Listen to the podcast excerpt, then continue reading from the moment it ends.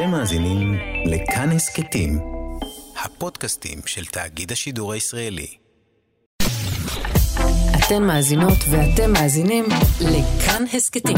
כאן הסכתים, הפודקאסטים של תאגיד השידור הישראלי.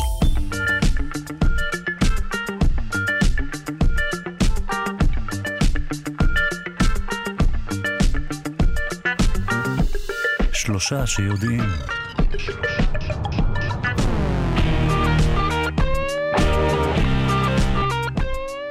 עושה שנת צהריים קלה למוח שלכם? אה, מה עושה צריכת אלכוהול קלה? אה, לציפורים. ומה עדיין עושות כוסות חד פעמיות במסיבות הסיום של בתי הספר? אה, על נושאים אלו ואחרים אה, נדבר בשעה הזו. שערכה אלכס לויקר, שהפיקו עמרי קפלן ואניה קלזון. על הביצוע הטכני, דימה קרנצוב, אני שרון קנטור, ואנחנו מתחילים.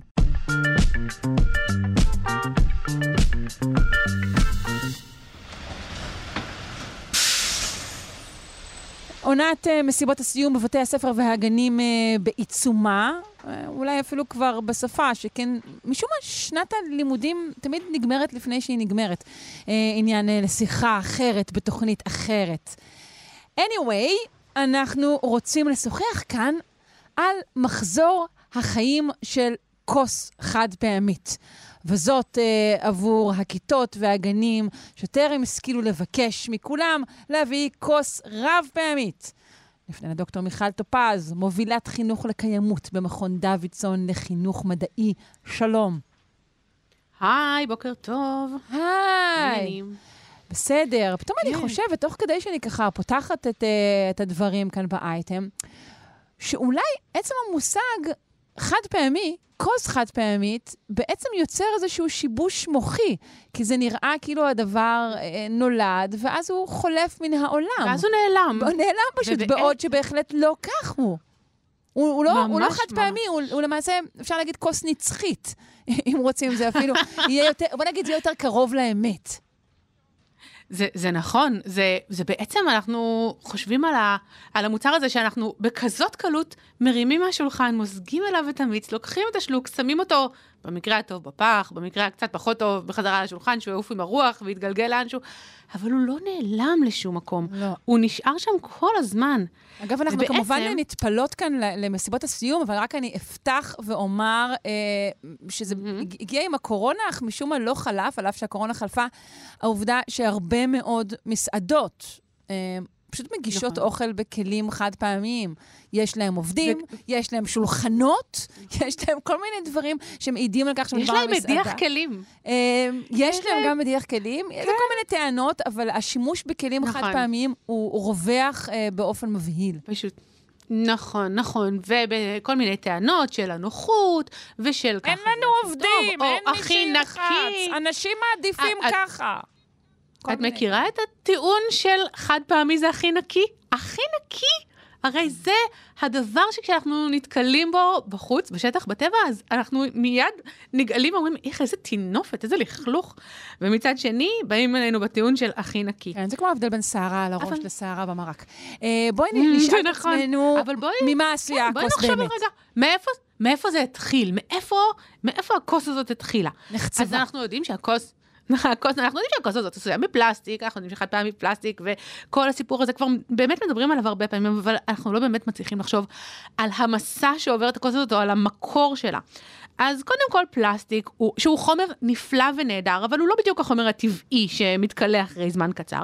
זה חומר סינתטי שבני אדם מייצרים אותו במפעלים, הוא לא היה קיים בטבע קודם, ופלסטיק מכינים אה, תרכובת של דלקים.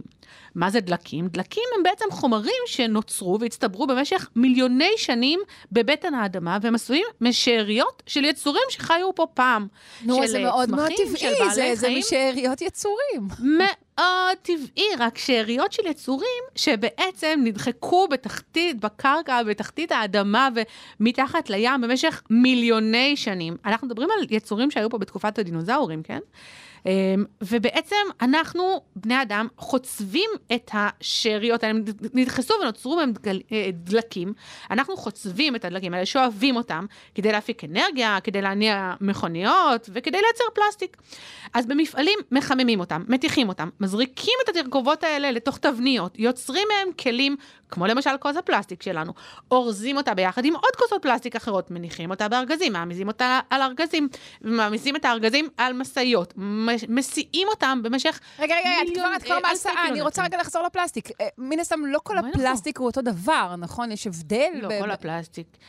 יש הבדלים בתרכובות, ויש הבדלים בדרך שבה מייצרים, ובדרך שבה אה, יוצקים, וכמובן בתבניות, ובאמת באיכות הפלסטיק. יש פלסטיק שהוא יותר עבה ויותר... אה, יש כל מיני הבדלים כאלה. ושמגיב באופן שונה אולי גם לטמפרטורות? נכון, לתוכו? אה, נכון, נכון. אנחנו מכירים את זה מהמוצרים שאותם אנחנו קונים, כי בעצם פלסטיק הוא חומר די גאוני, הוא חומר קל משקל, הוא חומר שקל מאוד לייצר אותו, הוא חומר עמיד, בעצם ייצרו אותו בשביל שהוא יישאר לנצח, רק שאנחנו לא משתמשים בו נכון, כמו, ש- כמו הדרך שהיה חכם להשתמש בו. Mm. אם אנחנו רוצים מוצר שיהיה עמיד ויעיל ויציב ויישאר לנצח, אנחנו לא יכולים להשתמש בו כחד פעמי רק בגלל שהוא זול. אנחנו צריכים לחשוב על ה, בעצם על, ה, על החיבור הזה. אנחנו יכולים להשתמש בפלסטיק באמת ולייצר אותו בצורה מאוד מאוד איכותית וטובה, וכזאת ש, שישמר למשך המון המון זמן. אבל הוא, הוא יישמר במשך המון זמן, גם אם אנחנו נשתמש בו, זה ממש, ממש מעט. אוקיי, אז בואי נחזור. אז. תיארנו- את היציקה. תיארנו את ה... בא- באותו... אז אמרנו. את אומרת שזה מקום רחוק משום שבישראל לא מייצרים? הכוסות יש, מקומות שמייצרים בישראל, אוקיי. אבל הרבה מאוד מהפלסטיק שלנו הוא פלסטיק מיובא, ובעצם אני רגע מסתכלת על זה גם ברמה הגלובלית. באופן כללי, אנחנו משנעים את החומרים שלנו ואת המוצרים שלנו, וגם אנחנו לא מסתכלים על פלסטיק רק ככוס, אנחנו משנעים הרבה דברים שעשויים בפלסטיק, וזה נמצא הרבה זמן בכבישים, והדרך הזאת, זה מה שחשוב להגיד, זה עוד חלק מטביעת הרגל האקולוגית של המוצר שאותו אנחנו צורכים. כשאנחנו חושבים על המוצר הזה, שאנחנו שותים אותו לשנייה אחת ומניחים בפח, בעצם זה באמת איזשהו חלק מהמסע ומהתהליך של המוצר הזה. עכשיו, ה- ה- עוד שלבים בתהליך הזה, זה כשהכוסות האלה, שארוזות בתוך אריזת פלסטיק, ועברו בתוך הארגז, ונסעו בתוך המשאית, או האונייה, או האווירון, הגיעו לתוך חנות, שהיא ממוזגת כמובן, ומוארת, והם ישבו שם, והם יכולות לשבת שם גם כמה חודשים, אולי אפילו יש השפעה יותר על מזה. החומר עד- כשהן יושבות שם כל כך הרבה זמן? זה תלוי באיזה חומר, תלוי, ובאיזה תלוי באיכות טמפרטורה הוא הפלסטיק. נשמר אולי גם? ובאיזה טמפרטורה. באיזה טמפרטורה הייתה, זאת אומרת, יכול להיות שזה גם לא כל כך נקי. לשתות מהפלסטיק. אני מנסה לחתור גם לשם. נכון. אנשים מדמיינים שזה אולי הכי יכול בריא, הכי פחות. חיידקים, אבל אולי זה אפילו כי פחות הרבה טוב. פעמים, בדיוק, הרבה פעמים פלסטיק מתחיל אה, לשחרר כל מיני חומרים כימיקליים ברגע שהוא נמצא בטמפרטורות מאוד מאוד גבוהות. אה, וזה, שוב, זה באמת מאוד מאוד תלוי. אבל אז קרה לכוס הפלסטיק שלנו איזה קסם, ומישהו תלה בגן את הרשימה של הציוד שצריך למסיבת הסיום, וצריך כוסות פלסטיק חד פעמיות, ומישהו הלך ולקח את הכוסות האלה. לא, לא, לא, ואז מגיע אבל הוואטסאפ. שלי, האמא הנודניקית, שאומר, אני רוצה להזכיר לכולם. שמקובל להביא כוסות רב פעמיות. ולפעמים אוי, זה- אנחנו לפעמים זה עוזר. לפעמים זה עוזר, ו- וזה נכון, אבל בדרך כלל אנחנו נביא גם כוסות חד פעמיות רק בשביל מי ששכח, כדי שלא יישארו ילדים צמאים, והכוסות האלה נמצאות על השולחן, וברגע אחד מישהו לוקח את הכוס הזאת, כמו שאמרנו קודם, שותה שלוק, שותה שני שלוקים, ומשליך את הכוס לפח במקרה הטוב.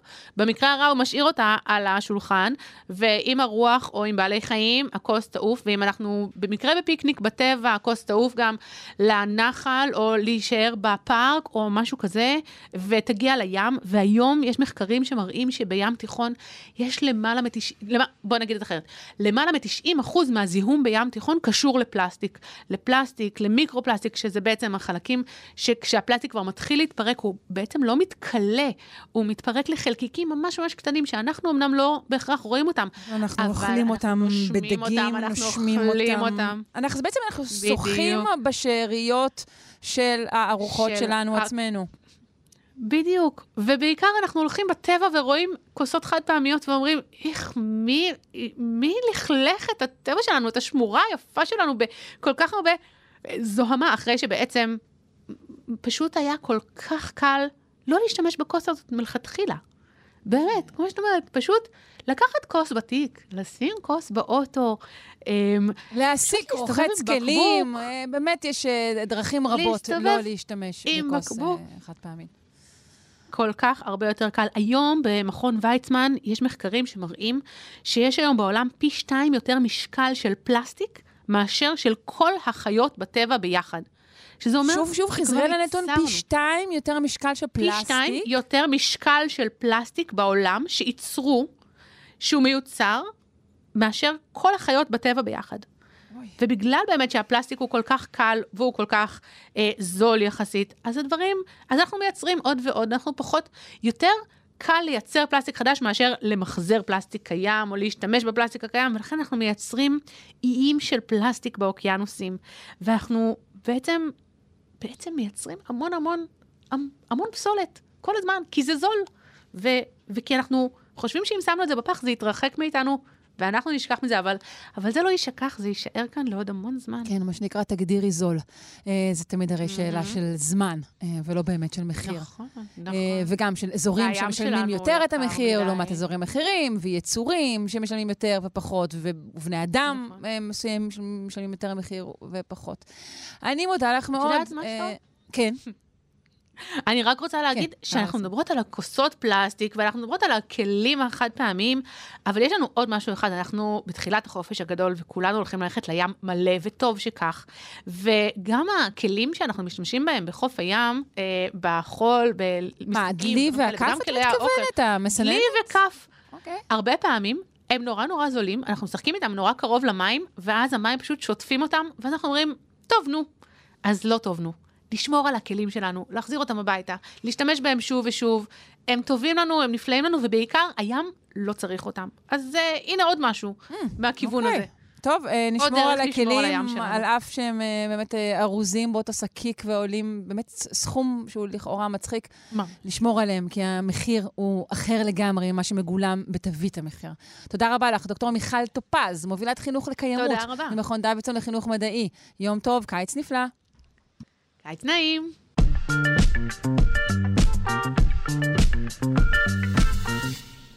אנחנו עם מחקר חדש שבדק צריכת אלכוהול אצל ציפורים. נפנה לדוקטור אה, ערן לוין מבית הספר לזואולוגיה באוניברסיטת תל אביב. שלום. שלום, שלום. בוקר טוב, אה, נספר שאנחנו אה, בעקבות אה, המחקר הזה שפורסם בעיתון הארץ, והוא בעצם מחקר אה, ראשון מסוגו, נכון? אה, לא לגמרי. אה, מח- מחקר על אתנול בבעלי חיים כבר נעשו אה, הרבה מחקרים הרבה מאוד שנים. גם על ציפורים זה מחקר שספציפית מתייחס ליונקי דבש שניזונים מצוף של פרחים או צוף מלאכותי שאנשים נותנים להם Mm, במתקני האכלה ושיש בו לפעמים אתנול. אוקיי. במחקרים קודמים, אז מה מצאו לגבי צריכת אלכוהול אצל אה, בעלי חיים? למה אה, הם, אה, אם הם, זה משהו שהוא מכוון, או משהו תופ- תוצאת לוואי? זאת שאלה מצוינת. יש, יש בעלי חיים שידועים כצורכי אלכוהול. אנחנו בתור בני אדם, אחד היצורים שצורכים הכי הרבה אלכוהול, וגם בצורה מכוונת, וזה משהו שידוע כבר אלפי שנים אחורה, יותר מעשרת אלפים שנה, ואנחנו נמשכים לאלכוהול הזה גם אה, בגלל מה שהוא גורם לנו, וגם בגלל אה, שיש כאלה שאוהבים את הטעם שלו. לגבי בעלי חיים, אה, יש על זה הרבה ויכוחים. אלכוהול הוא תוצר ש... של פירוק אה, של סוכר על ידי שמרים, וקורה בכל סביבה שיש בה סוכר ויש בה שמרים. שנוצרת אה, תסיסה בעצם? נכון, זו תסיסה, אה, בדרך כלל בתנאים שחסר חמצן לשמרים, אה, וזה יכול לקרות בפרי בשל, למשל אה, על העץ, או שנפל מהעץ ונמצא על הקרקע, אה, או זה יכול לקרות בתוך פרח שפורח אה, והצוף שלו עומד בחום ומגיעים אליו שמרים בעזרת חרקים, ומתחילים לייצר אלכוהול. אה, אלכוהול הוא רעיל, זה חשוב להגיד. זה, אה, אלכוהול- הוא רעיל, נקודה? הוא רעיל לכל, אם אנחנו שומעים כרגע שגם בעלי חיים צורכים אותו, אז הוא, הוא רעיל לכל בעל החיים? ארגון הבריאות העולמי אה, השנה הכריז שאלכוהול בכל כמות הוא מזיק לבני אדם. יש מין אה, כזה common knowledge, שאנשים אומרים שכוס אחת של אלכוהול ביום אה, היא טובה, אז היום אפילו ארגון הבריאות העולמי לוקח את התענוג הזה מבני כן, אדם, ואומר כן, אומר שאלכוהול הוא מזיק. ולא ידע לנו על אף בעל חיים שמרוויח מצריכה של האלכוהול. מרוויח שוב באופן ישיר, כי כשם שאלכוהול אצל בני אדם, אפשר להגיד שהוא משהו טקסי, שהוא משהו חברתי, וייתכן שבאופן עקיף כך הוא כן אה, משפר אה, את החיים, לא בהכרח של הפרט, אבל אולי של החברה כולה. ייתכן שגם אצל חיות יש משהו דומה לזה? אה, אלכוהול יש בו כמות גדולה של אנרגיה. אם אנחנו משווים למשל אה, אלכוהול לסוכר, אז באלכוהול יש אה, ש... כמעט כפול מספר הקלוריות שיש באותו מסה של סוכר. ובעלי חיים שצורכים אלכוהול מקבלים כמות גדולה של אנרגיה. מהבחינה הזאת זה טוב עבורם. אם ציפור צריכה, יונק דבש צריך לעוף, והוא יצרוך אותה כמות של אלכוהול, אותה כמות של סוכר, יהיה לו הרבה יותר אנרגיה באלכוהול. Mm-hmm. אבל יש את הדבר שאנחנו אה, בגללו, רובנו שותים אלכוהול, שזה השפעה על מערכת העצבים. אה, ההשפעה הזאת היא, אה, היא לא טובה לרוב בעלי החיים, היא גורמת לפגיעה בקורדינציה, לאיזושהי איטיות, לתחושה רעה בגלל הצטברות של חומר רעיל שנוצר מפירוק האלכוהול, נקרא צטלדהיד, mm-hmm. ולכן יש לו גם את הצדדים האלה המזיקים לגוף, okay. כן. שחיות רוצות להימנע. מה שהם הראו במחקר, זה שבאמת אה, אה, יונקי דבש, אוכלים צוף של פרחים, ברגע שרמת האלכוהול עולה מעל אה, אחוז, מגיעה לשני אחוז, שזה כמות נמוכה. הם זונחים אה, אותם? הם אה, נמנעים מלצרוך את, ה, אה, את האלכוהול. Mm. זאת אומרת שהם אה, צורכים רק כשהכמויות מאוד מאוד קטנות. נבונות יותר אה, מאיתנו, ככל הנראה. כן, אבל גם אנחנו מאוד רגישים, אנחנו יכולים להרגיש כמויות של אלכוהול שהן פחות מעשירית האחוז במשקה. אה, אנחנו מאוד רגישים לטעם של האלכוהול. כן. לריח שלו. אה, אז אה, אמרנו באמת שאלכוהול מזיק ככל הנראה בכל כמות, נציין שיותר מחמישה אחוז ממקרי המוות בעולם מקושרים נכון, לצריכת אלכוהול בקשרים שונים, חלקם ישירים, חלקם עקיפים. וגם השפעות אבל... כלכליות אדירות על בני אדם. נכון, אבל אני רוצה לדבר כאן על תכונותיו הטובות. יש לו גם תכונות אנטי-בקטריאליות? אה, כן, ברמה מסוימת, גם אפילו השמרים שמייצרים אותו מתישהו מתים מהתוצר שהם מייצרים וטובעים בעצם בהפרשות של עצמם. אה, ובאמת מעל ריכוז מסוים בעלי חיים לא יכולים להסתדר, או מיקרואורגניזמים לא יכולים להסתדר עם אלכוהול, וזה באמת מחטא.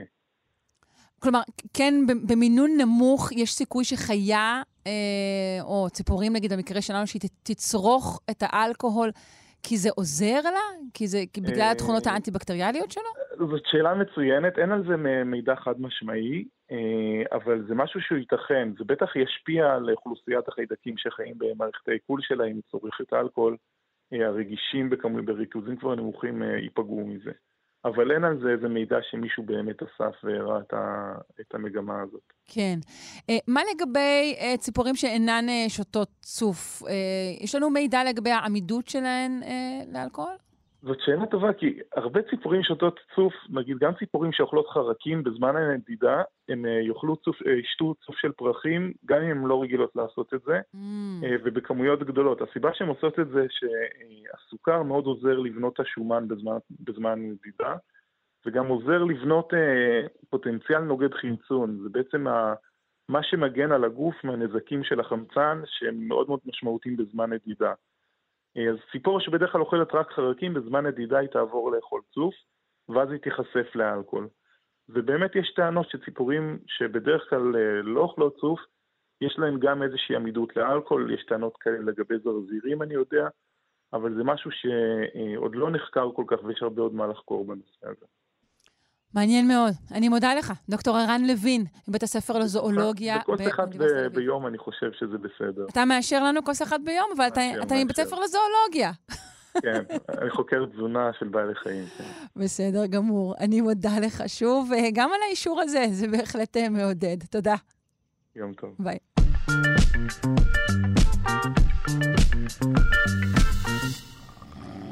אנחנו עם uh, בשורות טובות לשונצים. Uh, שנת צהריים היא לא רק uh, כיף גדול, אלא גם מסייעת uh, בשמירה על בריאות המוח. נפנה ליואב מטוב, חוקר מוח מהאוניברסיטה העברית ומנהל הבלוג סיור מוחות. שלום. שלום, שלום. אה, אז כולנו מדברים על שנת צהריים, לא כולנו זוכים אה, להגשים אה, משאת נפש זו, וכעת מתבשר שהעניין הזה גם משמר את בריאות המוח. אני רוצה לשאול אותך הרבה מאוד שאלות בנושא. קודם כל, האם שנת הצהריים טובה לנו יותר או פחות עם קשר לשנת הלילה שלנו ולאורך שלה? אה, קודם כל, זו שאלה מעולה, וזו למעשה השאלה החשובה ביותר לשאול פה. תכף נגיע באמת למחקר שדיברת עליו אה, כרגע, האם הוא באמת משפר או לא משפר את בריאות המוח.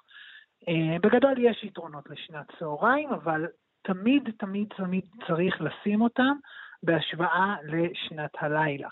זאת אומרת, אם אתם ישנים הרבה בצהריים, אבל אז לא ישנים כמעט בלילה, אין לזה הרבה הרבה חשיבות. בעצם כן צריך הרבה, אה, לשנת לילה רציפה ארוכה, יש חשיבות הרבה יותר גדולה מאשר לשינה של שעתיים פה ושינה של שעתיים שם. השלבים השונים במהלך השינה, מחזורי השינה השונים, מספקים שלבים שונים אה, למוח, והמוח צריך אה, את אה, שלבי השינה השונים האלה. בשנת צהריים, שהיא על פי רוב קצרה יותר, אנחנו לא מגיעים בכלל לשלבים האלו, אז מה היא נותנת לנו? Uh, קודם כל אנחנו כן, זה מאוד מאוד תלוי מה אנחנו מסוגלים, זה מאוד תלוי מה אנחנו מסוגלים לעשות, אם מדובר על כזה פאוור נאפ של 10 או 20 דקות, או אם מדובר על ממש שינה של שעה וחצי. קודם כל נתחיל ונגיד שאלה שתי האופציות שכדאי לעשות. או לעצום רגע את העיניים, לנוח, להירגע, והדבר הזה מאוד אה, אה, הרבה פעמים מסוגל ככה לנקות לנו את המחשבות, להרגיע אותנו ולהכניס... אבל באמת, אה, לא רגע, הפאוור נאפ הזאת, שלפעמים היא באמת סוג של אה, נמנום אה, של תבהלה כזה, שנמשך לפעמים ממש מספר דקות, אתה כן נרדם, מחמיאה מתעורר, יש גם לו אה, ערך חיובי? בהחלט, זה מה שהתחלתי להגיד, גם הדבר הזה מסוגל להכניס בנו כוחות אה, מחודשים, שהם לא רק כוחות פיזיים, הם גם כוחות מנטליים, וזה בהחלט מסייע לנו. אה, אם כבר נכנסים לשינה, מה שמומלץ הוא כבר ראשון מחזור שינה שלם, שזה סדר גודל של שעה וחצי, ולא לתת איזה 45 דקות שעה שינה, כי במקרה הזה מה שקורה זה שמתעוררים באמצע מחזור שינה, ואם קרה לך פעם שישן שנת צהריים והתעוררת יותר עייפה ממה שהלכת לישון, זה כי התעוררת בדרך כלל באמצע מחזור שינה. מכירים את האנשים שאומרים, אה, אה, קמתי הפוך, קמתי הפוך. זה המשמעות של קמתי הפוך, נכון? בדיוק. בגלל זה במקרה הזה, באמת, מה שיותר מומלץ הוא כבר לישון שעה וחצי שלמות, אה, ובמקרה הזה יש בהחלט יתרונות לזה. זאת אומרת, אנחנו יודעים ששלבים שונים במהלך השינה עוזרים לזיכרון, זה עוד לפני המחקר החדש שאת, שאת מדברת עליו כאן, אבל אה, אה, שלבים שונים במהלך השינה עוזרים לזיכרון, בתחילת הלילה יש לנו בעיקר שינה עמוקה, ולכן כל מיני זיכרונות מודעים, אה, למשל אם אנחנו רוצים ללמוד עובדות מסוימות, או אם אנחנו רוצים ללמוד או לזכור כל מיני אירועים כאלה ואחרים, כמו למשל מה למדנו בשיעור שהיה היום בבוקר, אז שנת צהריים בהחלט יכולה לעזור. ללמידה לא מודעת, כמו למשל למידת תנועות או דברים כאלה, בשביל זה צריך שלבים שהם יחסית יותר נפוצים בחלק האחרון של השינה, והם פחות פחות יעילים פה. אמ, חשוב גם להגיד שיש מחקרים שלא תומכים בזה, ויש אפילו מי שטוען ששנת צהריים יכולה גם אה, להרע. אה, מצאו כל מיני דברים, למשל זה שאנשים שישנים יותר שנת צהריים נמצאים בסיכוי יותר גבוה לשבץ ולכל מיני... אבל זה בגלל, ש... או שזה אולי ההפך? אתה מבין מה את אומרת? יכול להיות שהשינה היא לא זאת שגורמת לכך. יכול מאוד להיות שזה אכן ההפך. שהסיכונים לשבץ הם שיוצרים איזה מין עייפות צהריים כלשהי. אה, בדיוק. יכול מאוד להיות שמי שבסיכון לשבץ יותר נח במהלך הצהריים, ואז זה נכון. קורה. אה, אבל שוב אני אגיד, מה שחשוב בהקשר של שנת צהריים, הוא לזכור שהיא לא באה על חשבון שנת לילה. אם היא באה על חשבון שנת לילה, אם אתם ישנים בצהריים, אבל אז בלילה לא ישנים כמעט, אז לא עשינו פה שום דבר. והשאלה ההפוכה, זאת אומרת, האם בכלל שנת צהריים יכולה לפצות על חסר אה, בשנת לילה? יש בכלל מערך פיצויי בשינה? כי אני זוכרת, בזמנו שמעתי שלא. שינה שהוחמצה לא תוחזר. שינה שהוחמצה כן יכולה לחזור. אה, המוח יודע אה, גם בשלבי שינה שונים וגם באופן כללי לגבי שינה, אה, לישון יותר אם צריך, אבל זה אף פעם לא מאה אחוז. אה, ולכן במקרה הזה בהחלט חשוב לישון טוב בלילה מהבחינה הזאת. אוקיי, okay, עכשיו בוא נגיע למחקר הזה שמדבר אה, על, על נפח המוח, נכון? כן. כן, כן, אכן. אה, מחקר מעניין, קודם כל הוא עשוי טוב, אבל אה, אני, בוא נגיד את זה ככה, לא הייתי קופץ כל כך מהר למסקנות. אה, הוא עשוי טוב לא בעיניך? כי נכון אנחנו צריכים להתחיל לציין שהוא נשען על, על דיווח עצמי לגבי שנת הצהריים, נכון? או שאני טועה? אה, כן ולא. למעשה, בעצם מה שקורה, מה שהם עשו במחקר הזה, כדי קצת אה, אה, להפוך אותו להיות קצת אולי יותר מורכב, או קצת יותר אה, אה, אה, אה, להתעסק ממש בביולוגיה עצמה, הם לא ניסו לראות עד כמה כל אדם ישן אה, בצהריים, אלא הם בחרו אנשים שיש להם ב-DNA אה, אה, כל מיני אזורים שאנחנו יודעים שאם הם נראים בצורה מסוימת ב-DNA, אז אה, אותם אנשים נוטים לישון יותר בצהריים. עכשיו, כשזה המצב, מצד אחד זה כביכול אולי יותר אובייקטיבי, כלומר, אני לא מסתכל על עד כמה הבן אדם עצמו ישן או לא ישן, אלא ממש על הנטייה הביולוגית.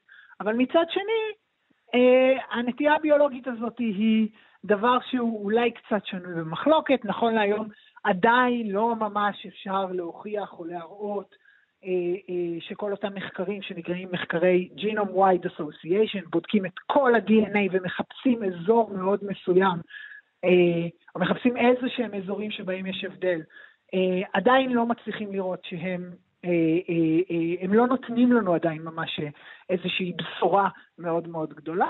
אה, אז מצאו אנשים כאלה וראו באמת שנפח המוח שלהם הוא יותר גדול. אבל מה שמאוד מוזר, או מה שלא מעניין, זה שלא מצאו לזה ביטוי אה, אה, בהתנהגות, ביכולות. זה לא שאותם אנשים שכביכול יש להם את הנטייה לישון יותר בצהריים, אה, והמוח שלהם יותר גדול, זה מתבטא בכך שהם זוכרים יותר, או שיש להם יכולות שכליות אה, מיוחדות שלאנשים אחרים אין. זה אולי קצת מפתיע, אבל זה גם מלמד אותנו שזה לא רק, מה שחשוב זה לא רק הנטייה של כמה אתה ישן, אלא כמובן, האם השינה שלך באמת באמת סדירה?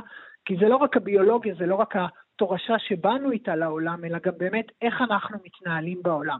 ואצל הרבה מאוד מאיתנו, בגלל הסביבה הלחוצה או בגלל כל מיני גורמים כאלה ואחרים, אנחנו לא ישנים טוב, למרות שיש לנו אה, אולי נטייה ביולוגית ללישון יותר טוב, אה, והדבר הזה כמובן משפיע מאוד על ההתנהגות שלנו. האם גם כאן ייתכן שאנשים שתנאי חייהם בכלל מאפשרים להם שנץ, מלכתחילה הם אנשים רגועים יותר אולי, שמוחם הם, הם יכול לשגשג בצורה טובה יותר?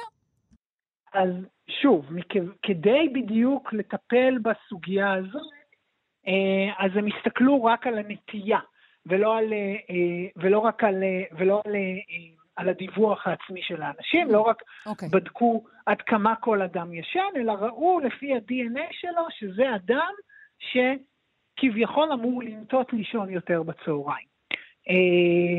ואז הדבר הזה באמת מתמודד עם השאלה שלך, זו דרך טובה להתמודד איתה, אבל כאמור, החיסרון המאוד גדול שלה הוא שאני לא באמת יכול לראות עד כמה אותו אדם ישן בצהריים. האם הוא ישן הרבה, האם הוא ישן מעט וכו'.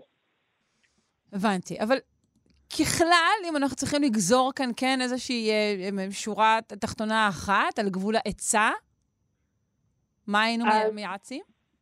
אז מה שאני הייתי אומר זה כזה דבר. קודם כל, לוודא שישנים טוב בלילה זה הדבר הכי חשוב. אוקיי. Okay. שנת לילה טובה היא דבר מהותי. הדבר השני, שנת צהריים בהחלט יכולה להועיל, בהחלט יכולה להועיל בכל מיני סוגים של זיכרון, כל עוד שנת הלילה היא טובה. ולכך, נחזור על מה שאמרנו קודם, אחד מהשניים. או לעשות פאוור נאפ, לעצום את העיניים, לנוח איזה עשר דקות, רבע שעה, עשרים דקות, או כבר לישון מחזור שינה שלם של שעה וחצי, לא באמצע. Uh, הדבר הזה בהחלט יכול מאוד מאוד להועיל, או uh, לפחות להועיל במקצת, אבל כן, יש, אנחנו רואים בהחלט שיש לדברים האלה השפעה על הזיכרון. בהחלט. עובדים, כנסו מתחת השולחן, נמנמו שם קצת. אני מודה לך מאוד, יואב מה טוב, חוקר מוח מהאוניברסיטה העברית ומנהל הבלוג סיור מוחות. תודה רבה. תודה, תודה.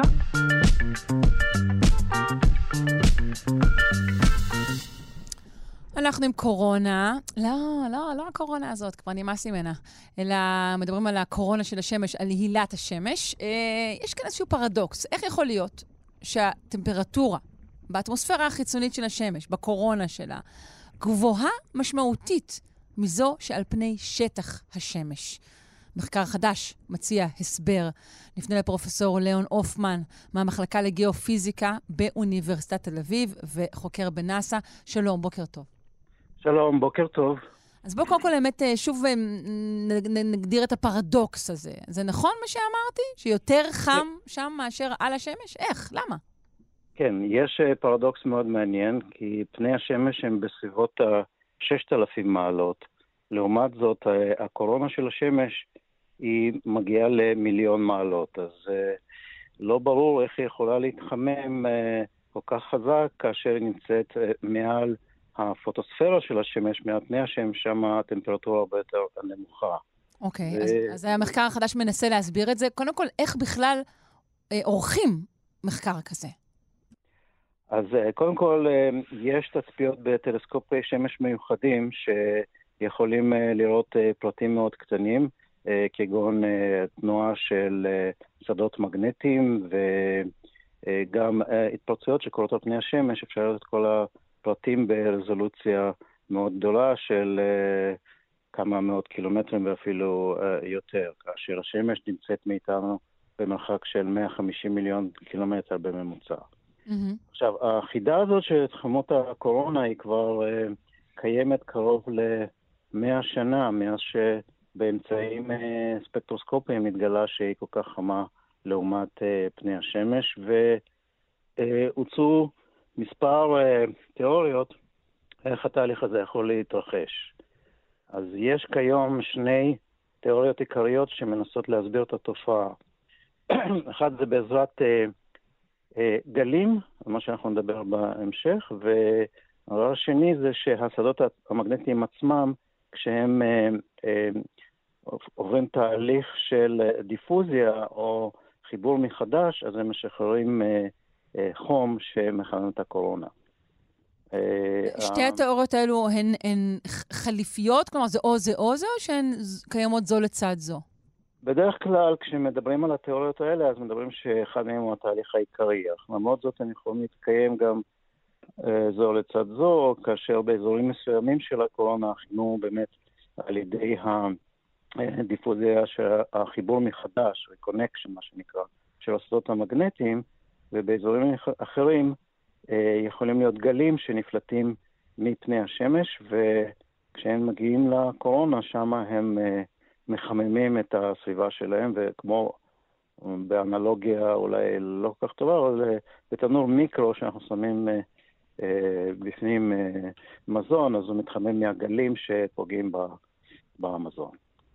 רגע, אז זהו ההסבר? הגלים פשוט מגיעים לקורונה ושם הם מעצימים את חומה?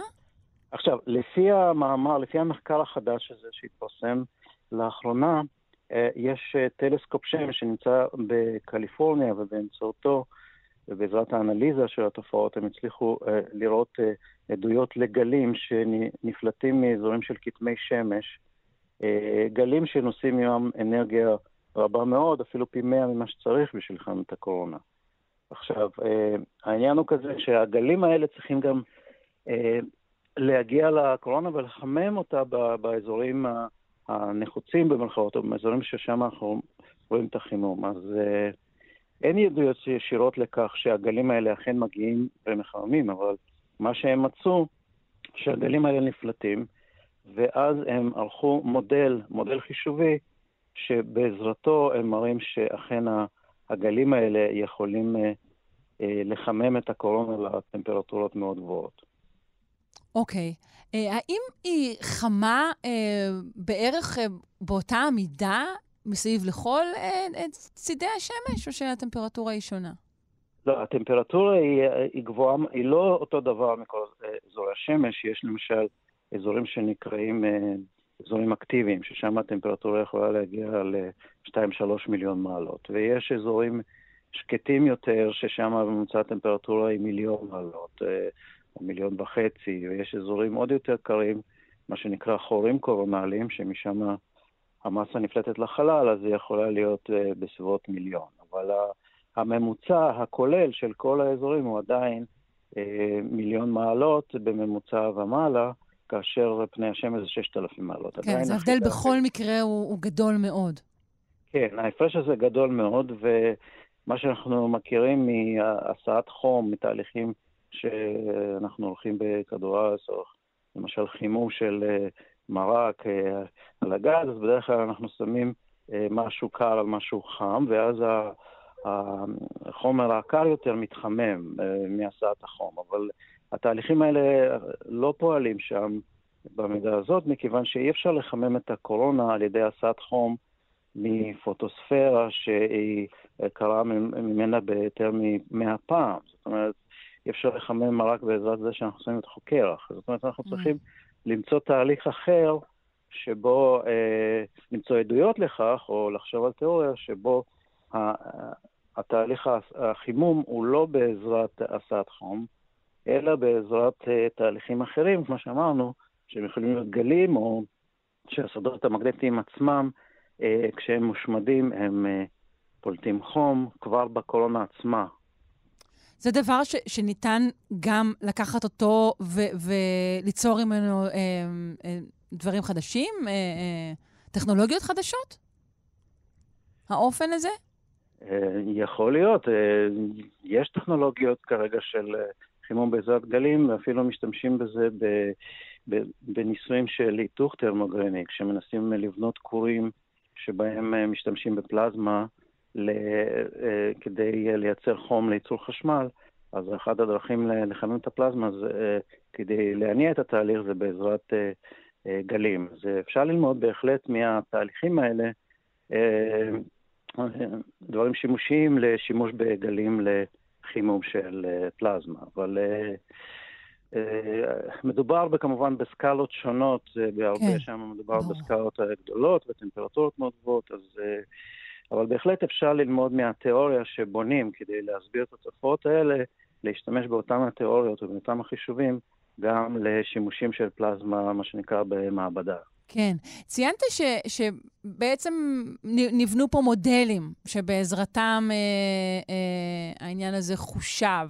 זה מודלים שהם רק מתמטיים, או שיש כאן גם משהו פיזי אה, במעבדות?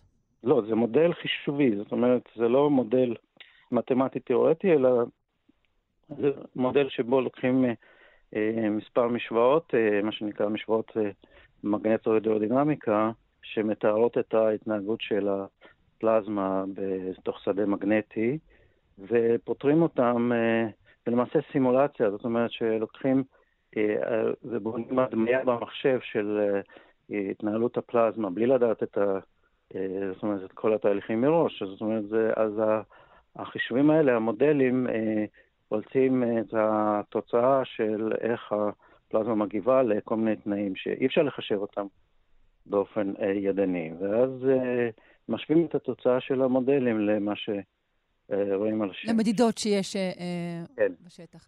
הבנתי. טוב, אז אה, אפשר להגיד אה, פתרון תעלומת הקורונה של השמש. זה אחד הפתרונות, אחד הפתרונות. כמובן, כי אה, אם, אה, אם אנחנו נפתח את הספרות בנושא, אז יש מספר פתרונות, וכל פעם שיש תצפיות חדשות או לוויין חדש, אז אה, יוצאים מאמרים עם... אה, אה, פתרון נוסף. והשאלה מה באמת יעבוד במבחן הזמן, כאשר יהיו נגיד מדידות יותר טובות, יותר מדויקות, איזה מהתיאוריות אה, האלה תהיה היותר אה, מתאימה למציאות.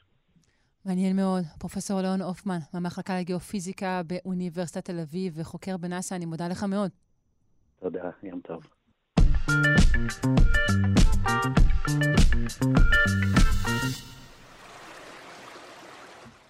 נחלים מזוהמים עלולים להוות מוקד התפשטות לחיידקים עמידים לאנטיביוטיקה.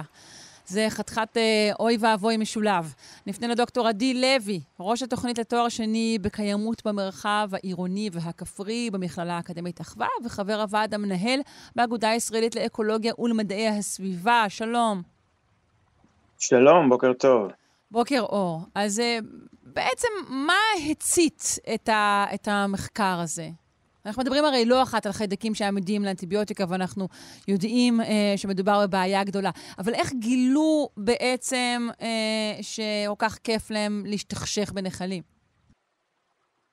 אוקיי, okay, אז בעצם אה, יש פה קודם כל מחקר ש...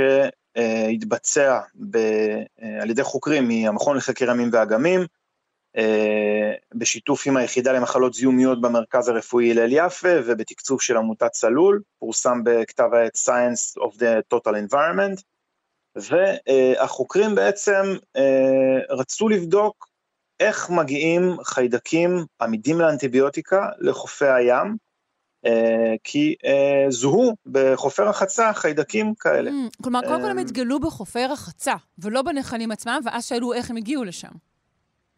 נכון. Okay. אוקיי. ובעצם המחקר בדק דוגמאות מים מנחל אלכסנדר.